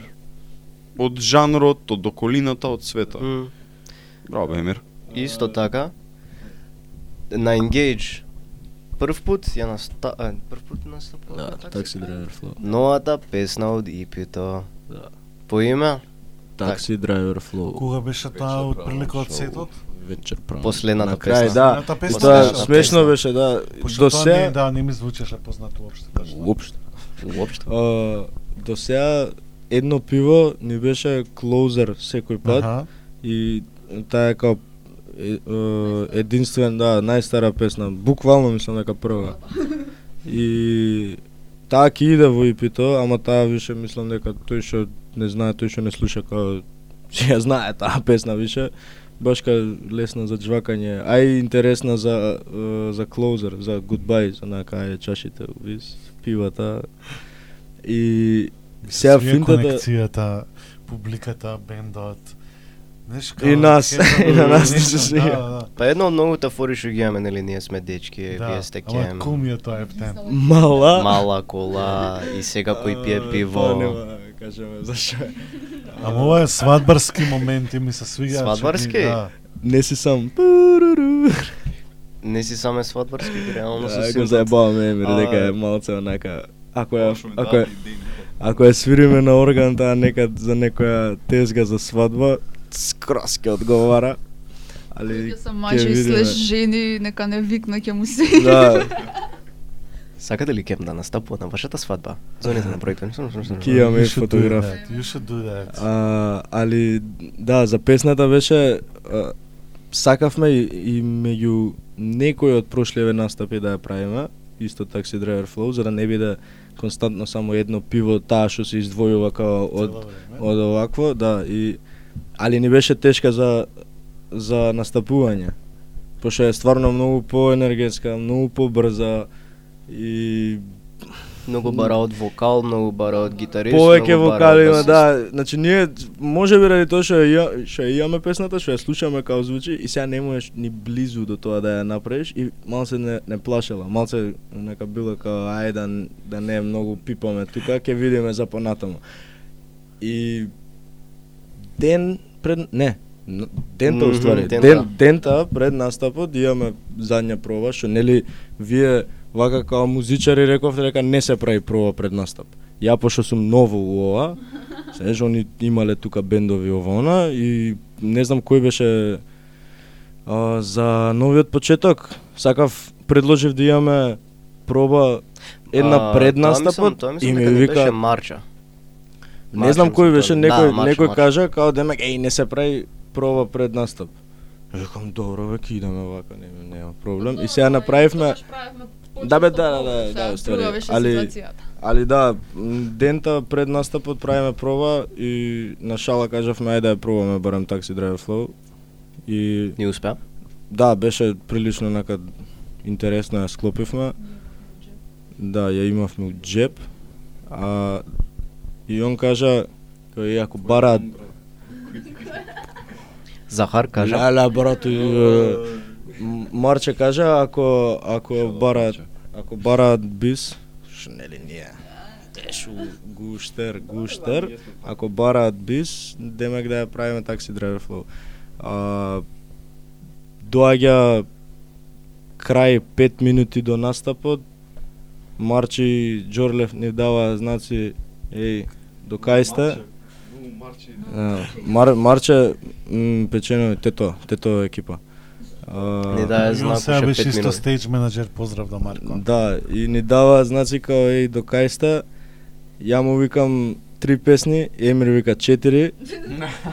Ја Марче вика три ќе бидат и викам добро и измеѓу песна се договараме која ја вадиме. И сега ќе беше или Taxi Driver Flow или Дремка. Дремка ја извадивме. Дремка ја Стае извадивме. наследна. Дремка ја извадивме за жртва за за Taxi Driver Flow. Само за да видиме дали ќе се покаже убаво и ја мислам- Да, ја покажа. мислам дека беше добро. И сега тоа ни даде уште онака толку а, ветер да да убрзаме малце и да го извадиме. Сакаме да почнеме и со визуели, пошто Мгм. очигледно мораш. Не дека не ќе ме, не само, сакаме само сликичка. Се Али правам. у- убаво е, да, сакаме да почнеме видео, сум сакаме да биде тоа колку што вложуваме во правење на музиката и вадење на музика и општо све, толку Сакаш и да Имате до сега некој видео? Не. Не. Ајде режисери млади да, што имавме чекате. обид, поише ко Ајде младите режисери одма одма да им пишете на кем. На главна каса. Ние Не, сме треба, не, ние не се они криви, треба и сме. ние да си ги бараме. Не, Океј. Барате на на ет, ние до, долна црта сме долна црта кем. тоа. Ви благодариме. Ние сме кем, ние акаунтот. Да, Се викаме кем. Да, се викаме Ние кем. сме Не, пошто, мислам, за ебанци, е, пошто многу, многу не имаат представувано како и ова е новиот бенд, ние сме кем. не сте вие, ние Вие сме. сте затоа, дечки. затоа, да, затоа Вие сте почна- дечки, да, затоа ние сме кем. За здраво дечки, ние сме кем, вие сте дечки. Супер. Ајде да слушнеме Дремка, а? Можеме да ја слушнеме Дремка, можеме после да ја слушнеме хитчето, мислам денес дека е ултимейт хитче од албумот. Underdog, underdog. да, се- песна од од цела дискографија. Мислам дека денес е ултимейто, нека печена е за исто за некој адвертайзинг проект. Као може, да се за најде антидепресиви. Да. Ова е AM шоу, денеска со мене е Кирца и нашата колешка од Радио Мафа Ангела исто тука со нас. Шаутаут од Кирца и Ангела. Shout out out. to. Јас сум Дечки, вие сте Индок и слушате AM шоу. Се враќаме назад за две песни. Е, motherfucker. А, си ги правам своите битови, свој микс месо. Шо ти е гајле, брат? Мислиш, знаат нешто овие други? Парам, Се прават само нека знаат. а, а, Искрено. па, Аха. Кажи. Нема. Само тоа е пиштола, храбриот е куршум. Храна за паметен, тоа исто ликер. Е за клуб Не сум репер за децава, децава не се ни рапери. Сувири ми ко алкохоличар, барам ја барови, а нема. Сечам кровот на кола као ето купе. Слуша странско, нема наше добро, еве сум бе. Ко пола вчера да бев, денес сум две. По соби ранки влечеме сокови, флаши розе. Сум разумен, разбуден и чим дишам сум јас уред. Патувам на друго место, веќе спакував се. Визијам се, не ве прашувам, не ке ве молам. Па нека збора дека против ова може ги чека оган. Вистината ја зборам, не ја заблажувам. Умирате од диабетес ако друг ви ја кажува. Ги искачувам, може ке ме стигнат се шалам. Едини хај шо ке имаат е па мене на скала и не фала. Не поштувам бош рап во една смисла. Ке му ја мислат ке ги врнам нека кисна. Добош од исто ко громе. А ако не време падне ке видите знае дури и маслив да писка. Пола со пола се сите половни фаци Сите стихови демек книвни шо се пола се наши И од тоа се плаши. Не може ни пола да свати А доволно пати кажат не можеш полош ти да си така да. Не моја збориш дека преобро рапуваш Мајко твојот болест, шо што шо не закачува. Чек, чекај полека, боле биди коректен Флоу тече корека, чек, чекај полека Колетерална штета, мене се ми е под конец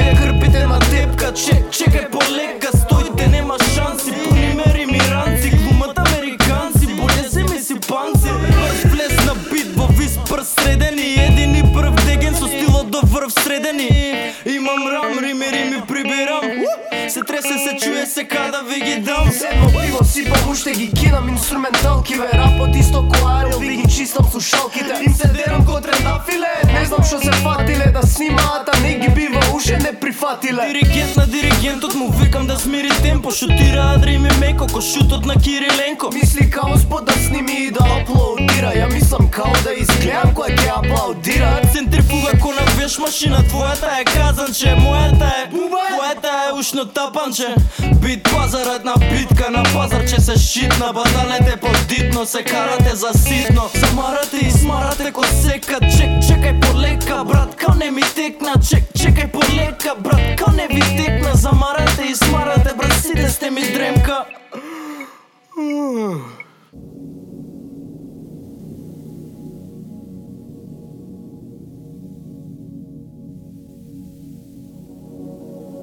Ми треба простор да дишам, доста простор да движам. Кјош во секоја смисла од секоја страна од четири зида. Ми треба простор да дишам Доста простор да движам. Кјош во секоја смисла од секоја страна од четири зида. На сив ден опали ми светло без да му Последниве дена не ги ни преспав дома. Не сум осамен, прво се напив во злото, после од доброто. Се ми е во ред.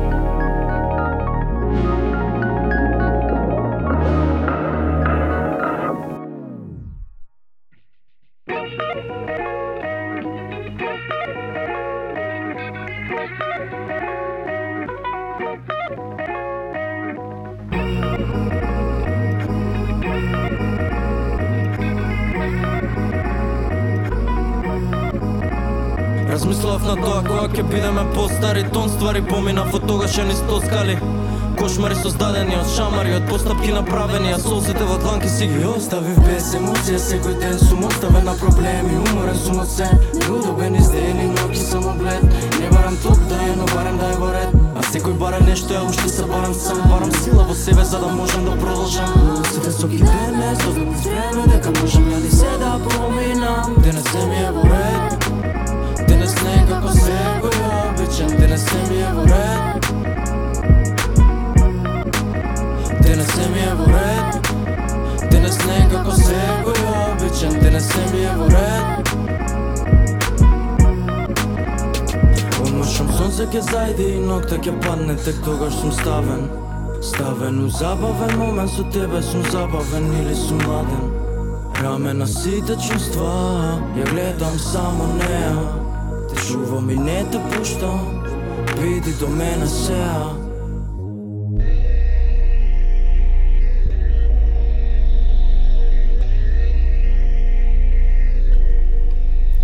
Пробувам да најдам гола вистина во мрак. Секој пат се наоѓам таму сум секад истиот Сум пак сум заборавен на сите добри денови. Чекам се да биде во ред, на кола да чекам во редове? Извини, види, знам, не се мачи, биди сам. Туку пливам гумна, веќе мислам, не ги мирисам Трагедии, ми стана, убави комедии Сакам у глава да пукам, да убијам проблеми. Имам чворови таму со ангел и гјавол на рамо На која страна и да спиеш, гледа заспиеш рано. А ја гледам да се смеам уште, иако неам уште.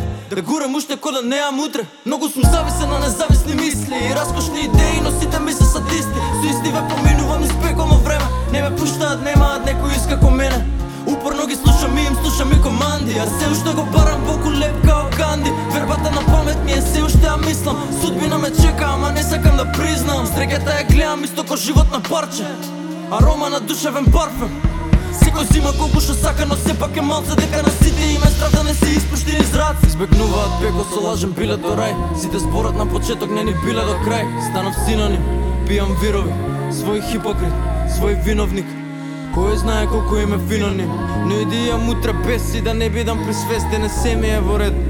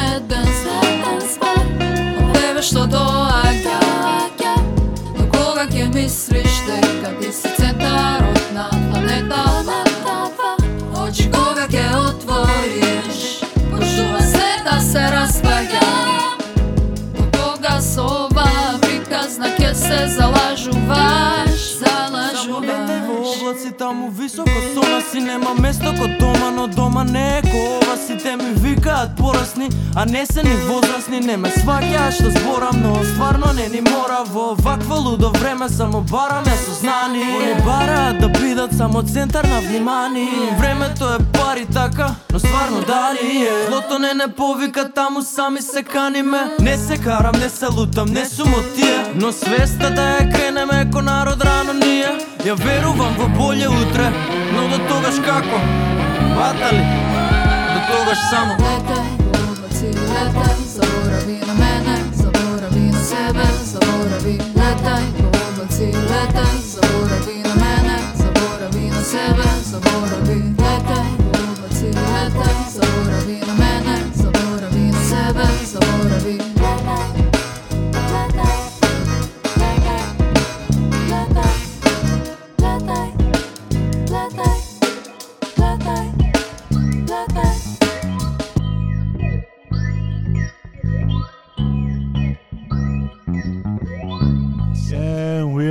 Се враќаме, се враќаме, се враќаме. Се враќаме во етерот. Ние сме дечки, вие сте слушате EM Show со Кем. Кем се денеска тука со нас. Мислам дека имаме одличен муабет. Ду- Ова е моментот ако сакате нешто да ги прашате, дропнете ни некој коментар. Дали вие нешто сакате да кажете што заборавивме да кажеме? Пошто веру- верувам дека има нешто што го изумивме, а вака сега Не баш. Добро. Пр, нај највише мислам дека е што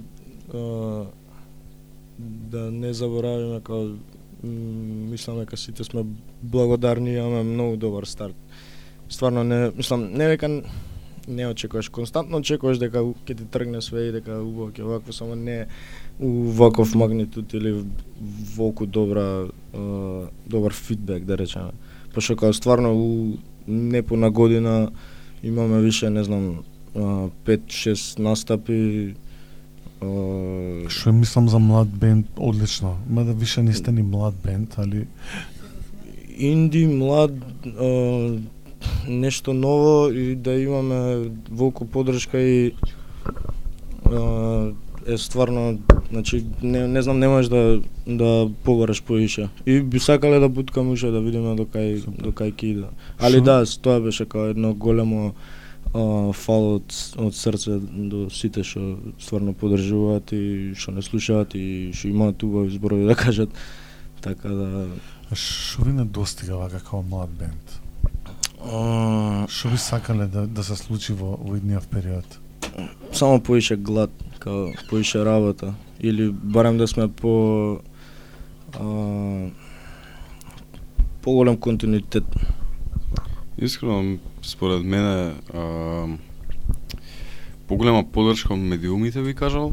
Мислам да сепак има нели Супер. Да, а, апсолутно треба медиумите. изостаноци, повеќе. еве као на пример сега моментално сме во МОВ, а, имаме подршка и дефинитивно МОВ ги поддржува сите нели млади бендови што се и се тоа, ама а, еве класичен пример до дома обично си пуштаме радио и сека секогаш истите песни ги ги слушаме се да и, и секогаш се се прашувам до кога ќе бидеме заглавени на Владо Јаневски. Ова не е никаков нели фаер на знаеш Не, стварно, no shots fired кон ама Владо Јаневски. Амано Владо Јаневски. Као секако поштување за човекот, ама Ама, реално имаме толку нешто што е свежо, нешто Да. што е а, буквално сега са само што е извадено од фурна. А, и не го користиме тоа за да го презентираме, него и ствари од пред 20 години а, презентираме. И тоа секако пак ќе кажам секаков респект за за тие што биле пред нас и што ни оставиле нели?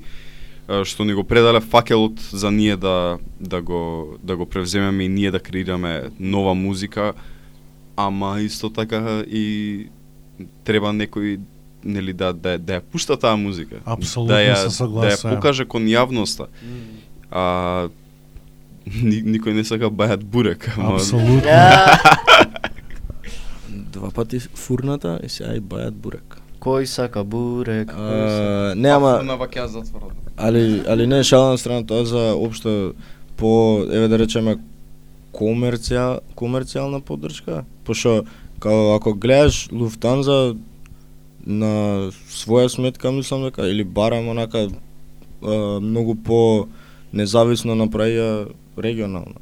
Сега не знам Апсолутно. не знам да, Ама не и знам тоа е жалосно што медиумите кај нас не ги пуштаат Луфханза, сакаш како ги пуштаме ние ги пушта 103, а таму кај што треба да се пуштаат на мейнстрим радија и Значи тн. според не, мене не сум они, слушнал ја. според може мене они уште се као underground, мислам нивниот Да. потенцијал може да биде многу поголем, ама они се више колку години онака на сцена и и, и си го сакаат тоа, као пошто тоа ти го тоа ти го нудат. Сега и затоа гола планина ин- многу ми Да, се свиѓа. инди сцената Не се нешто знае- повеќе од нас на, на, на сцената, ама а, да, реално на нивна рака си направи. се, Повеќе се многу многу повеќе. Од 2019-2020 се. И пак, и Они пак. побрзо почна, мислам побрзо издадоа Добро, албум они почна и свирки и под- се, значи- ама као Повеќе тој период нели почна. Да бе, да, ама они на почеток почна нели ко, кој што кажав преска со нели школски свирки и сега сите се зафркававме се, дружевме се, си правевме склопки. При корона. Точак си има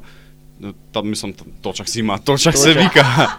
а, али Имаш они точак? тотално на своја рака си си зема и си направија балканска тура и никој не збореше за тоа, освен нели ние. Мгм. И сега сваќам дека сега сваќам дека за нашиот успех реално а, како музичари, не само како нас како бенд, туку целото наше движење, новиот бранд на нови музичари, а, секој успех што што го имаме ќе биде е барем за сега зборен од само тие што ги интересира.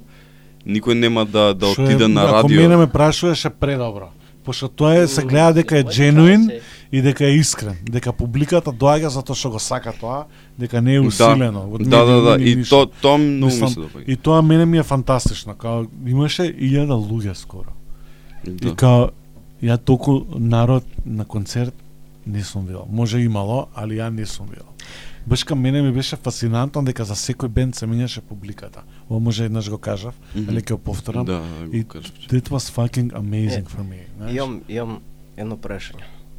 А, треба да одвоиш, ајде кажеме као пет бендови, наша сцена, и три светски артисти, за да си направиш фестивал. Че ајде кажеме ова не е engage, ова е... Тоа скроз прашање, ти си шоумен, Се е браво. Кои Окей. бендови, кои бендови бираш наша сцена и кои три бендови, а артисти, бендови Значи, еве да, од надвор. Кој? а, дефинитивно Светлост, Ритуал Оркестра ги викам. Океј, а ги има спремни, ги има спремни. Приметивте колку брзо беше тоа. Ги викам Кем, ги викам Луфханза. Океј, океј. Ба, да, ја би ги скокнал старанцеве искрено. Да. После толку години мислам дека ние имаме више што да покажеме сериозно. Океј. Така е. Као, али више ако му еве мораме странците. Вика- Би ги викнал Тайлер, The Creator. Да, да, да, да, да, да, Апсолутно. да, да, да. Апсолутно. Би викнал Deftones. Ау, дефинитивно, Океј. да, да, да, ги уважавам И- Deftones. Би викнал можда нешто више од од некоја и би ја викнал Кендреса. Кендреса е една албанка што Океј. живее во Лондон, која што прави неосол. И е преака, ќе ви пуштам да ја слушнете, као тоа би било мој фаворити у моментов. Али ако Мм. ми дозволите уште плюс артистик би викнал и поише. Толку Али мислам дека као Тол кафе буџетот. Па добар буџет имаме. Океј, локација. Локација кај би го правил? Дефинитивно би го правил на Кале пошто Океј. на Кале имаше концерт пред многу години. Да. Брат, као искачам од 96-та.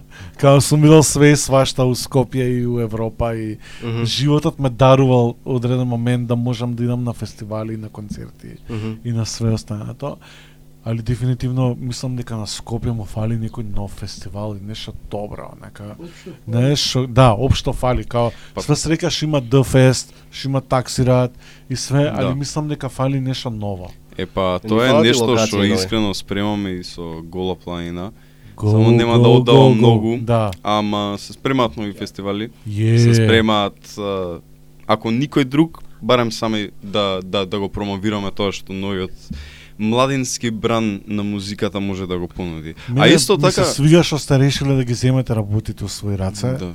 И тоа е big shout out затоа што знаеш кај нас обично сите сме научени да следиме традицијата некако. И као да викаме, абе, ништо не чини, ние не можеме, уствари никој не се спопнува да прави нешто. Така да, Па баш убаво што го спомнавте ова. Убаво што го А, спомнавте ова. Омотот е направен од нас, миксмастерот Да. е наш. Не користиме семплови. Да, се гледаат. До сега освен освен може правам- би за си ги камен правам пламен своите татко. битови, си ги правам своите битови, свој миксмастер. А тоа што сакав исто да да да кажам пред ова а, е дека ние цело време збориме се новите бендови, новите новиот бран, о, јади јади јада, али а, исто така забораваме дека со со тоа што доа доаѓа нели нов бран на музика, автоматски доаѓаат и нови фанови. И мислам дека дека за тоа не се збори доволно затоа што а, не само што се има нели бројот на бендови и на артисти македон, македонски зголемено, него се има многу и на љубителите на македонска музика затоа што алтернативната више е се предобра подигна. домашната музика, луѓе. Да, да, да. Као сериозно ви зборам, сега стварно е сега добра музика. сега многу повеќе од од а, задниве да речеме пет ајде да не претерам, ама да се се зголеми онака бројот на македонска музика фанови. Значи луѓе стварно немаат проблем. Порано било Да, два-три бенда, Значи, Тројца ко- рапери, ко да ко да им било глупо или кринж, не знам да слушаш. затоа што не било вајде толку добро, брат. Let's be real сега, као у последно време као стварно и тоа се гледа и на, онака по по концерти, по фестивали колку луѓе онака доаѓаат прво за македонски артисти и не само што доаѓаат туку стварно пеат од Да. Збор до збор. Значи ја кога кога со странци разговарам, секад им пуштам ха ха ха и бернес и кога им викам јас живеам у ист град со овие луѓе, као Сакаш ка- колку е тоа битно да можеш да кажеш дека живееш со некој бенд од ист град, затоа што секад нели романтизираме странство, Лондон, Нью Йорк, Берлин и т.н. А као we have it here, лудо е ова што го кажем, Да. пошто прилично сум хейт кон Скопје на моменти и т.н. Ама као we have potential и као стварно имаме добри ствари во моментов. Али ти викам као на странци, викам ја живеам у ист град со овој бенд. It's a good thing, знаеш? Уште треба, ја би рекол. А не, види, треба многу. И знаеш, целиот овој момент на потенцијал и хепинес што се дешава во моментов и оваа нова публика и све, треба да се работи со ова, знаеш. Треба спонзори, треба Министерство за култура или кој да е, треба да инвестира во ова.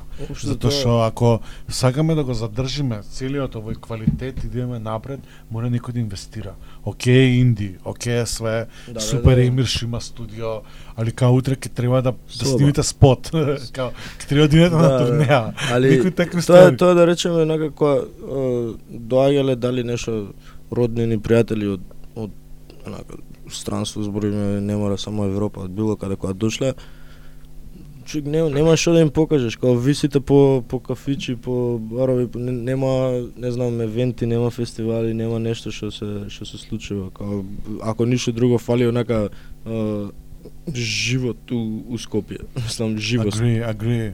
Мислам стварно фали и нова сцена што ќе донеси нова енергија, што Оке, ама Па лека по лека, ама тоа- досадно е старово. Ма тоа се спрем, ама, ама тоа лека по лека ќе дојде пошто а, ова што се дешава со Телеком, каде што имавме видео од кој од, Да. од, од Дади беше и од Шишка. Од од, од дамка, Да, дамка да, да. на на реклама, Electronic Beats. Да, Electronic Beats. Да, супер е Тоа тоа. е- тоа е сосема као- супер. Предходно имаше со со фолт за за смут, Да, значи да, не да. не дека не дека Не, не, нема, су- само Не дека нема, ама треба поише, Да, знаеш, као да. И треба поише за артисти да се инволвираат, пошто ја немам буџет, сакаш, корпорации имаат буџет. И ова сега што го има го реално го немаше и искрено Да. поздрав до до до Телеком и до Смут што Поздрав Ова за фри семплови ај. Може ќе да ги прогутам, знаете, пошто може е да не, селе, ова ама не везе. А, Ќе прогутам. Да, има- треба- треба има, многу конкурси, има многу многу конкурси за бендови се да свират надвор.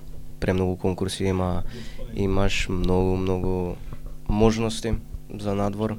А мислам дека се викаше ESSN, а, KXP радио. Знам дека имаат пуштано. Shui, KXP. мислам, мислам, мислам, не сум баш 100% Стварно? сигурен, пошто видов на кај кај кај Лука Ѓурѓевски на стори. А, Мислам дека дека- некако стигна некоја песна на KXP.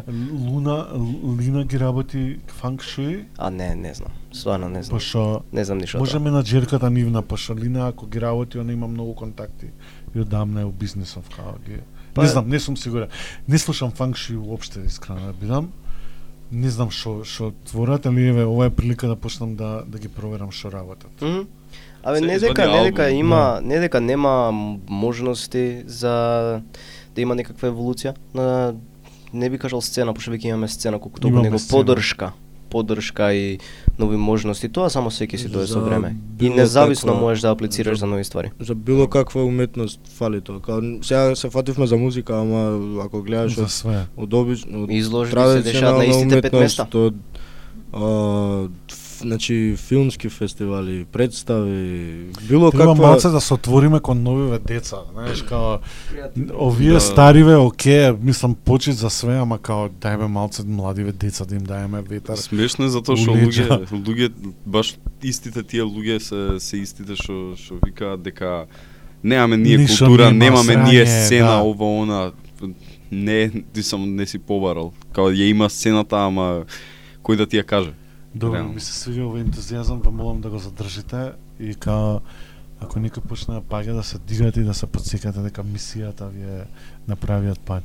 The Мислам, job is цитат. not finished. Цитат од J. Cole, if you solo these vocals you can hear grumbling. Oh my god, I Oh love my J. Cole. Да, ја. Oh my god, J. Cole. Да, ја. ја. А, и, а ви се свига, а, како се викаше, Джек Харлоу? Оу, Да. Jackman албумот, Jackman албумот. Добар. Ти прв ќе почнеш за Jackman албумот или ја? Не бе добро, да ми се свига дефинитивно брз блоуап имаше Многу брз, да. А, дури онака сам се фати на тоа. Мислам дека со прошлиот албум му беше као The Kids Miss You? Да, тој Come Home се као тој албум. Да, и- ама тој па удри на нели она Поп. а, да, поп комерцијален и сега као Вали валја Дрейк избаци таков албум ако се Па сеќаваш. добра, ама Па, Дрейк више 10 години Да, ама има као право да прави што со сака. Хаус, да, хаус моментот со Black Coffee со све. Джек Харлоу ми е повеќе како што MGK сакаше да биде со со Да, да, кариера. да, да. Фер. Затоа што- го размишljал ова, да. Технички така му Да, даje, да, затоа што да. он о- одлучи, ај ќе правам нешто со хип-хоп, на крај не му бидне и сам не ни знам што препробува нешто панк. По... Приеска сам не, а, али да, Джек Харлоу дефинитивно блоапно, мислам, брзо и со и со хитови, и со албуми, и со се. А MGK имаше некој биф едно време со Eminem, па рече, ај доста ми од хип-хоп, малце ќе ќе се префрлам на Абе, ја му, ја му кажав на Eminem Поп да не го Нешто да не го многу е лудо, ама ја да, ја не сум фан на Eminem, не знам зашто. М, Е па Има Eminem има фората фората Коин ја- флипа? Искрено. Коин флипе? Тие со Ријана, таа I miss the old Eminem. Тоа е тоа е Kanye Али. Ријана па ми е птен фейф и Асап Не, Роки Ријана е- исто многу сакам. Да. Не, та. Тайлер и, и A$AP Rocky кој Да. кој ќе се стават у едно купе. Тајлор по... А, лирицизам се враќа. Тоа е интересна тема. Тоа е стварно интересна тема. А, лирицизам се враќа а, со новиот албум на. А, приметив дека на Тајлор новиот албум повеќе се фокусира на на лирикс, Да. на лирика. Кендрик, а, новите ствари му со беше Happy Birthday Kendrick. на Кендрик му Да, беше вчера вчера. или завчера, да. Happy 36. birthday to Значи да, то, тој албум дефинитивно. За хип-хоп. Да, пред 10 години кој а, а, Watching Movies, Well, Born Summer, Sinner да, на Kanye на Madlib албумот, на, Madlib, Static да, Selecta албумот. Сите Oh my God, издаеле пред 10 години. Madlib. Се замисли да имаш доволно кеш само за едно CD. Ева, израснат си у Бруклин. И одиш у, и одиш у, Да, знам да, зна, знаеш како е Бруклин. Мада нема разлика И- помеѓу сиромашти од Бруклин и Скопје. Е, не знам, не сум бил. а, имаш доволно пари само за едно CD и влегуваш и гледаш Медли, купиш, да. албумот, гледаш J. Cole, албумот, гледаш Mac, албумот.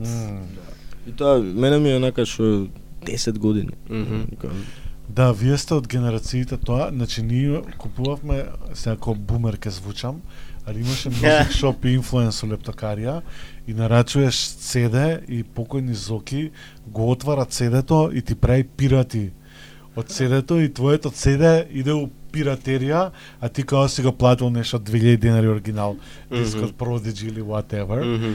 И као идеш си го взимаш дисков и отворен му викаш на Зуке, бе, зашо отворено CD-во? Вика, абе Требаше да така го проверам. стигна уствари. И после тоа пиратерија царува, нека као. Али да и, и Скопје беше момент кај што не можеш да купиш два диска од одма. Као. Мгм. Денеска ќе купиш Biohazard, друг пат ќе купиш некој рап или Dr. Dre или што е станато, you can afford to buy everyday uh, music. Мислам, било супер кога би можело, ама јеби у Скопје не секад било достапно и да купуваш музика. Али све среќа што сме оваква, мислам глупо ќе звучи ова јако уметник што ќе кажам, Мгм. али гл- имавме среќа у пиратерија да растеме. Фала на Бога. И да нека као да Реално? слушаме добра музика, пошто ја мајка ми пустата дома го криеше кабелот за 56 к модемот у фрижидер, знаеш, као не беше ни интернетот толку достапен. Као прескапо беше и да имаш интернет дома и све, така да денешните бенефити, али се согласувам. че, а каде, каде го крие? У У фрижидер. фрижидер кабелот Ако пошто- кабелот не беше ладен, знам кој го чепнал. Така да, да, али веројатно и тој момент дали да купиш мадлип или било што, исто е. Ма не само за музика, така искрено цедињата не не го пикирам. Поз, поз. Поз, поз. А, али искрено пи, пиратерија јако беше вака кога ќе кога ќе се сетам на на на детството реално живеев у, у аеродром. И сега пак живеев у аеродром, нема везе. а, али ќе си отидевме таму на Бисари, реално тие цедињата, цедињата, DVD-дињата. Стотче. Стотче два филма си добиваш не знам, имаш uh, Pirates of the Caribbean и имаш Scooby-Doo. Значи два сосема неповрзани филма, ама два филма си е два филма. You have it. На крај uh, closed captions од ќе се на тајландски. Али у секој случај а, купувате домашна музика. Купувајте домашна музика. Чукнете некој долар на Bandcampот на Bandcampот на Cam. Не, дајте на мене лично и персонално или да, пари. Или или на Емир дајте му пари. Ќе најдам начин да стигне купи кон некој сите. инструмент, ќе купи некој инструмент. Дечки, мене многу ми треба шеста гитара во мој живот, ако може да, Да. ми даете. За мене е таа, јас сакам да почнем инструмент да. Аха. Ја не барам многу еден каубел, искам. Еден кел. за за. Иначе да, сега сега тоа за за кем конкретно планови сега видиме летово што нуди. Некој а, имате најава за некоја свирка на Дофест? А, Не. М, Сакаме Со други да, сакавме малце да паузираме на на настапи за да можеме малце да се вратиме на Одлично. создавање нови, нови работи, пошто а, EP е EP, не е албум. Да, да, да. Значи ќе биде колку некои Пет песни. Тачно мислам дека беше. Да, тоа се отприлика песните мислам дека се по пак нешто 2-3 минути и тоа исто сакаме малце да го скокнеме да а, не дека е лошо, ако ако имаш да си кажеш и си кажал све у 2 минути, тоа не, не мора да е 5 минути песна. Знаеш, али као би сакале да видиме колку можеме да направиме и каква уметност можеме да направиме понатаму, а EP во колку време ќе ни скрпи ќе видиме. Затоа викаме као лето Збориме ќе. Нешто да Кажете, спомнеме. да, Ајде Емир кажи се Ја за мој, ја за моето ти за твоето. Да, ајде ќе си кажеме. Ајде ќе си кажеме за Selfless публиката. промо. А, Shameless plug. Да не мислат луѓето дека само работиме на кем ствари. Јас имам свој соло албум, Маркус има свој соло албум Одамна. одамна. Извини, Ле, Марко. лейболот не ми дава да го извадам ради кем ствари. Ја вика чекај прво кем да да вакво, па после ти. Али ќе ќе negotiate нешто ќе. Едва и чекам да слушнам од луѓе мислења за твојот албум. И јас за твојот брат. New Marcolium чекам. Creeks dropping soon. New Yasha type beat dropping soon. Stay tuned. Ајде кажи што имаш да кажеш. Е, а, имам да кажам дека после EP-то ја би сакал да поработиме на соло стварите на мене и на Марко. Така да очекувајте после EP-то Рап, дали ќе биде Рап, рап, соло рап, Не, неговите ќе бидат а, тажалки, да? тажалки поп се моите. Моите се тажалки да, поп. он он многу поише од од мене мислам дека ќе се игра со со музика и со експериментирање и на каков звук извади со неговото. Моите се генерално само а, многу складирани постари работи или општо што сум ги снимал и ми останале уште у ротација. Па ќе склопам некој е, неќам ни албум да го кажам, албум е она кога с- Да, албум е кога си имаш више приказна позади, е. да. И тоа ќе биде стварно е а, као dedication to to hip hop или барем тоа што тоа што ме а, натерало онака да го сакам, а тоа било увек она бетлерско, она, а, а, јас сум бољи од тебе, ти не си бољи од Тоа мене. е хип-хоп. Да, нема не, стварно тоа е, као колку колку можеш а, по да го надмудриш другиот со со зборови само. И и тоа онака игра на зборови, а, метафори, а, cadence, flow, pockets, што и да е што можеш онака да се истакниш као повешт, еве да кажам. Тоа е во главно целиот за мене мој концепт. Не е ништо мислам а, ново или мислам од од нов артист може би, ама генерално е чуено. Не ќе да го хајпам, не не ќе да го дигам нешто у воздухот да е нешто кузне, пошто стварно е само рап. И сега тие што стварно го сакаат тој дел од рапот, пошто Кем си нуди еден а, различен вид на на рецитал на мешано со поезија, мешано со секојдневие, мешано со општо што кажа сторителинг, што кажа приказна со еш, ова ти е конкретно она MCing да речеме. Океј, римите, зборовите, да. Ќе видиме тоа. Ја искрено поише као ако можеме паралелно да фатиме и негово и мое и кем и кате соло и да, ако можеме паралелно да фатиме би фатиле све, само Знаеш што, ќе добро е да имате соло проекти за да ви биде вашата музика интересна цело време. Пошто вајде вајде Па и ако општо, само да. кем, може да ви не знам сега, ама мојот печаток е дека треба да правите сите Ке да, ќе се заглавиме, може Да, некоја дупка така ако ако затераме, ама истовремено па и пиво не изненади на на добар начин, пошто е стварно некоја контра од од ама збориме буквално некоја контра на прошлиот. Значи нема едно нешто што мислам о, фаќа црти од претходен албум. Као нема никаков leftovers од од претходниот као скрос онака нов и поише значи еве да речеме Колумбо Начи беше спор бавен поише за стварно го викавме пикник албум да излезеш у природа да си легнеш треба да си го пуштиш и тоа е да, да. си думиш само Works well on bike. али А. ово е по по денс би кажал Топ. Nice. стварно е малце да рипаш Супер, одлично. И чекојте многу cool ствари за Can't некое wait. време, трейдмарк. Да. Тоа мислам, тоа мислам дека до толку многу го имам кажано, онака, е, ќе ми дојде некој, абе брат, кога ќе ти искочи твојот албум, кога ќе искочи нов кем албум, кога ќе ова soon, мислам дека трейдмарк и копирајт треба да мавнам на зборот soon. Take his mic away. Кате сакаш нешто да додаш нова? Не, мислам дека си кажавме се. Добро, супер. Марко? а, у следниот проект Кате ќе рапува Да. Ја ќе пеам рефрен, ја ќе свирам на сите инструменти и Захар, Ја ќе ги заклучам прво волни, нема да сме ќе да водим. А, сакаме да пробаме малце фристайл некој у етер, пошто се разборевте или не? Океј, океј, океј. Више кога кажавте дека ќе правите соло проекти, can we try something? А? Не знам, некој бит можеме да најдеме таму или ја да поварам некој нешто? Ми- Меѓу Или седен седно бит? биче. Чекај некој да. Не, ја. Ајде да видиме дали имаме некаков начин. Може да се стави Прави на... си. Нели сам си ги правиш битовите? Ја сам си ги правиш правам. микс мастер. Да не не рокне копирајт за некој бит. Како бе така? не, Не. ако се ако се пушта ја И, дечки?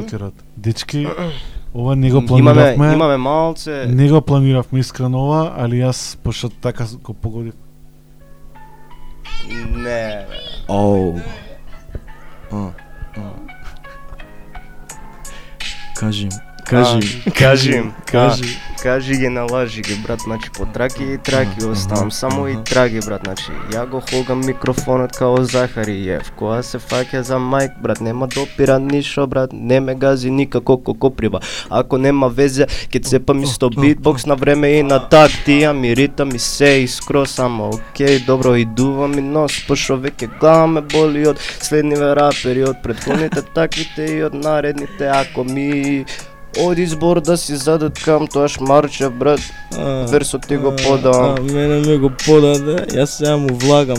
Ако некој тука почне за кем да збори, брат, жими се, ке се скарам, не се зезам, брат, се шалам, живеј, брат, си колирам тука. Си седиме близо, брат, до кисела вода или до црниче. Само, брат, си врвиме, слуша само мрчиме, на битов, ама микрофонот крчи, бе, се шалам, не се зезам, пак ја ке се нервирам. Ако влагам тука, чекај, треба малца да се смирам, јас сум гордоста да на спортот, стилот ми е просто невиден, рапери ве до еден, сите бегаат од мене, денес оджи сме гледаат и се гледаат во мене, а на другиве им смета дека смета сметаат на мене. Лабзи. Ајде, следен, следен би, Следен, би, дајде. Ајде! Them's our rappers. Чекај да бараме некој друг бит. За да? за за old school фаците, да не да не испадне. А, Моментнат Добро, ама го пишува два сата. Еве се загна. кој ќе даде вокалот, тоа автоматски го намалува. Али може, ако сакаш, Ако бе било што интересничко. е. интересно. We vibing, we chilling. Интересно. Како звучи? Ла, ти текнува на овој. Ги имаме проведено скоро сите. Сите ги знам, сите ги знам. А, значи, работи ова? сите битови ги знаеме. Пројдено и брат сите битови се најдени. Не дај Боже некој да ни се стави, пошто секој бит и секој рапер ќе бидат најадени од нас и нема факти. Нема? Само хипотези од вас слушам, брати. Брат, Не те бива. ич. Пошо, те молам само престани, значи да се представам кем представник за секогаш. Влагам у куќата исто ко станари на на преселба те вадам и исто од не не не не не а а а Рабија кесни, глумци и песни лесни од мука пука избесни толку вешти ова. За се не бива се се мести са потиш брати ди седни тој си не веруј ми не си не си пола од не. мене. Јас сум 02 со нечисти рими. Вас не ви оди, избриши си ги. Драйвовите, файловите и битовите дај прати ми ги, брато види. Не те бива, не пипај майк пак, не тераина. Да не те видам ти како снимаш, се те градираш бе реп, м, м, цензура, вака ќе си фурам, пошто не смеам на радио брат да пцујам. Кажи им, кажи им, кажи им. Talk your shit, bro, bro. О, о, Местам флоу пун казна празна, после тоа пуни пак да рипа дрими ко гепеци на хидрулика, тектоника ме мава, Джей Дила и Муди Рам, Донат справа, они гевреци на улица. Нема више простор и ми да мостро, отсечам све што има, брат се мрсоли у носот. Ги вадам сите полека, брат по полека, лека полека брат сите ке ми клекнат, нека бацат коска, им викам дека е доста. Ке идам у шорт, ке чилам ја со Коста, ке викнам брат и Марче и Емир брат и Кате, ке пијам едно кафе, брат ви ебав матер. Извони чуи, застани слушни, пушти Life celebration и пушти и слушни Уејам брат са бајле. У 10 дојдовме брат 12 Немај гајле. Седи брат до крај бе Ке чиламе до сеа. До сеа и до после брат и само само смеа. Си ијам брат константно Си ијам вака цело време Без мене Нема ништо брат Заебина Стив да е. земам и одма и да си пеам, не лажам, рецитирам ја брат од зори и се смеам, ама се ми е окей, денес се ми е уред, брат, одеjem до пет, значи еем и пием, брат, значи ги терам му пием сите која ја сум на подкаст, одеjem пием ја, значи не пијам, ја поише Пуше- чеј се снима се апус? Аха. Им се снима, сим зима, брат ги јам. Идам вака цело време и знам ги кинам. Нема вина, кај пошо, кој е крив, знаеш кој е крив, кој знаеш кој е крив, кој е брат Марко е крив и на Инстаграм. Пази се, влагам брат ке спизнам ја. Им доаѓам и викам дека исти сте. Брат слични или Човек, бистри не те бива и избриши се, бегај, битовите изписти се. Че брат. застани Да, брат, да. извини се. Ке ми го изгасат битот, ама идеме до крај на акапела. Good job, guys, I'm proud of you. Ај малце кати и марче шо. Нема Е, теоретски чекај, шанси. чекај бе, чекај, чекај, чекај, секунда, секунда, секунда, Ан-. Ангела вота за ката. Тераш битбокс? Битбокс. Да го пробаме, да го пробаме ова бе. последен фристайл, нешто малку по... Кажете што да пуштиме. Е, Сега, живо, само гледај, пази ова да не клипа на майк, кажи ми дали се ќе биде во реду. не знам Ајде, Може? ајде. Са, не, не, не, битбокс, бе, битбокс, битбокс. Каков битбокс? Ајде, битот. Ајде, бит. Ајде. Битбокс, бит, бит добар. Пушти нешто Не, од, бе, не. од нас, еве дека го спомнавме нас, да, некој нас инструментал. Ау, може. Да, да не биде го спомнавме, не му дававме. Ама е така може копирајт да изеде. А, ако ме така ќе ја дам. Може да изидеме. Че... Ај, ако јадеме копирајт, барем знаеме зашто сме јадеме копирајт. Поздрав до нас, нека не натужи. Примо, било кој. а, а, а? Океј, океј, чеј, чеј, чеј, океј, океј, океј, чеј, чеј, чеј, океј, океј, океј, чекај, чекај, чекај, еј, еј, Само чуј м, Идам вака, цело време ја. Не си не замарам на која трака вада, ни копирет ќе јадам или шој ќе си правам бит, но ми е на мене ја уста си сам. Битов ми спија ми лежи, бра стварно болje остаje ние, состав ми е најака петорка овде достави коска ми е со се достава попара попад вие. Осте само брат да правиме во стание, револуција сме тука, пази на брат, и ми дам тука брат, екипа гола планина, им викам дека нема ништо против ова да се носи. И ако доаѓа брат, тука сечам коси, со очите коси. Доаѓам од Кина. И викам дека брат тука е моја вина Пошто Марко е крив, зијам здив на бит Им доаѓам, викам чекај Марколиум крик за на ред Нема бед брат, денес е уред све Иако доаѓам и ја лабав исто као цвет, као жолт цвет У мојот црно-бел свет, шаут аут од дамка Идам вака, имам ја една дамка Дремка, бемка, имам и ја и Емир брат Ама Емир стенка на бит. Пошо ич не го бива. Годи сам вака брат, зашо мене ми се кива А пчу на вистина, пак ќе спиздам брат Емир се с ним се сеја пред да изгинам Пошо иначе немам зборови. Седиме у дворови Рап во станија, само и остај ние. Најака петорка, болje состав немаш ти Имаме ние, брат, од А, Б, С, Б и Рими Од неред, брат, рокам тука од Рими до нерези Стварно, не сме у ред до фаца, не сме у ред до глава Само свезни си, која ќе чуеш ние као ќе си.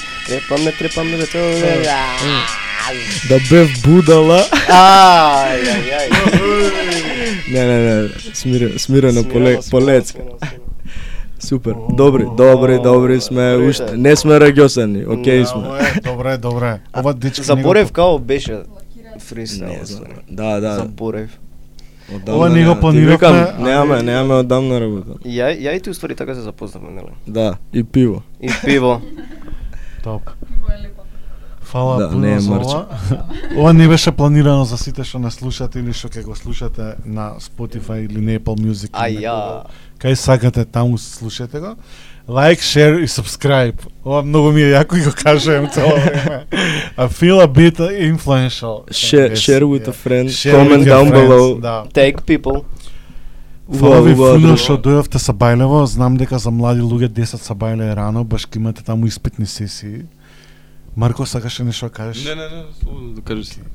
Ајде не ве држам, пошто више 12-15. Гитла деца, гитла веќе рап, веќе рапувавте. Емере на испит. А, дали нешто сакате да дајете за крај пред да се одјавиме? Ние бевме кем, Ние бевме кем, а вие останавте дечки. А, Чисто стварно уште еднаш голема фала до сите као вас што поддржуваат, сите што уште Вратите отворени секогаш. Мило ми е, мило ми е. А, и тоа само да се продолжи да се гледа кон сценава и да останете in tune и да видиме што ќе нуди иднинава. Лето, времето пред нас. А до тогаш останете да слушате Celebrate Life podcast. Фала ви многу. Се одјавуваме. Се одјавуваме. Пријатно. Пријатно. Довидување. Пријатно. Јас сум Дечки, вие сте Индок. Денеска ни беа Кем во студиото на Радио МОВ со техничка поддршка на Ангела и Кире. Фала до сите што не слушате, што ни пишавте дека уживате со нас утро. Се надевам дека направивме еден понеделник да ни е поубаво. Остануваме на фреквенциите на Радио МОВ и ќе се одјавиме со мојот за секогаш омилен артист Frank Ocean со песната Nature Feel од микстейпот Nostalgia Ultra и завршуваме со Кем Не се сам од албумот Колумба Ноаши 2022. Останете добри, ве, ве молам продолжете да правите музика, да не не пороби селјаштвото комплетно. Ние сме мораме да сме изнад тоа и Емир сакаше нешто да додеш за крај. It's okay, нека сгазивме термин така да можеш да се одјавиш. Еве Емир ќе го одјави а, се- седумде- 78-то епи- издание на Celebrate Live podcast. Само ја не шо кажам. Ту туруру ту. Ту ту. Let's go.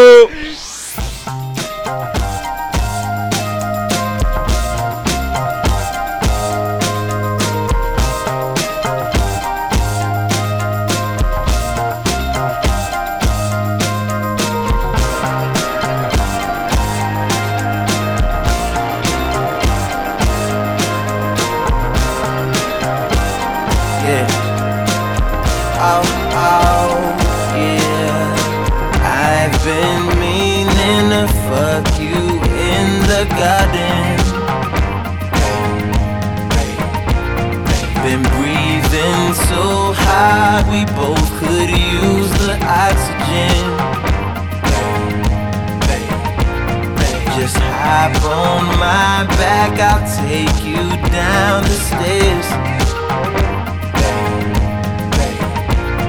Into my backyard, then lay you right on the grass. And give it to you over again, over again, over again, over again. Making love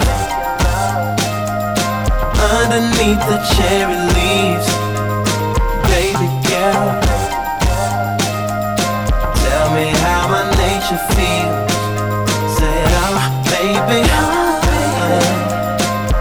against the cherry tree, baby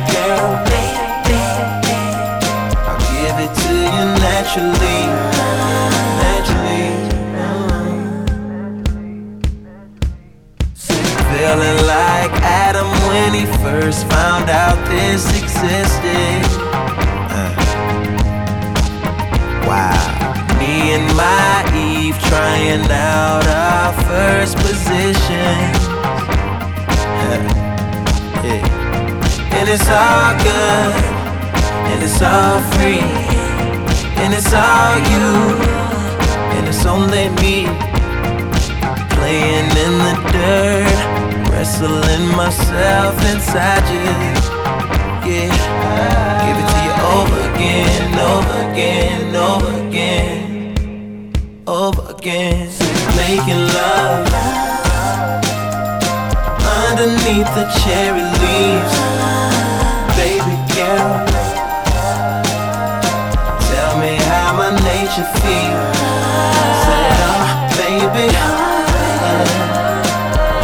Against the cherry tree. Baby girl, baby, I'll give it to you naturally.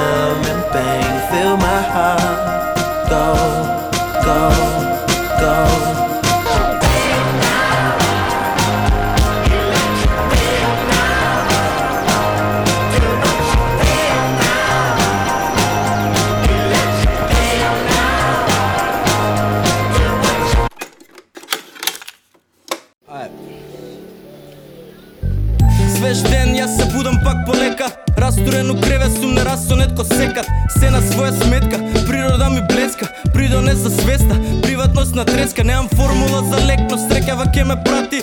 Време во ме лечи, музика ме спаси Преку пустина и снег, пуштени са сите ланци Но траума не си оди, ги слушам уште катанците Ручекот е ист, може би различен зачин е Искуството е исто, но различни се приказниве Богат во создавање, богатство во знаење Ме плаши да не има нешто пострашно од кајање Денес веќе се е тоа, се, не ме гре тоа Не, не ме смее тоа, не, веќе смее тоа Се, веќе не е тоа, а уште некако секој кој да го пее тоа Додека си пеам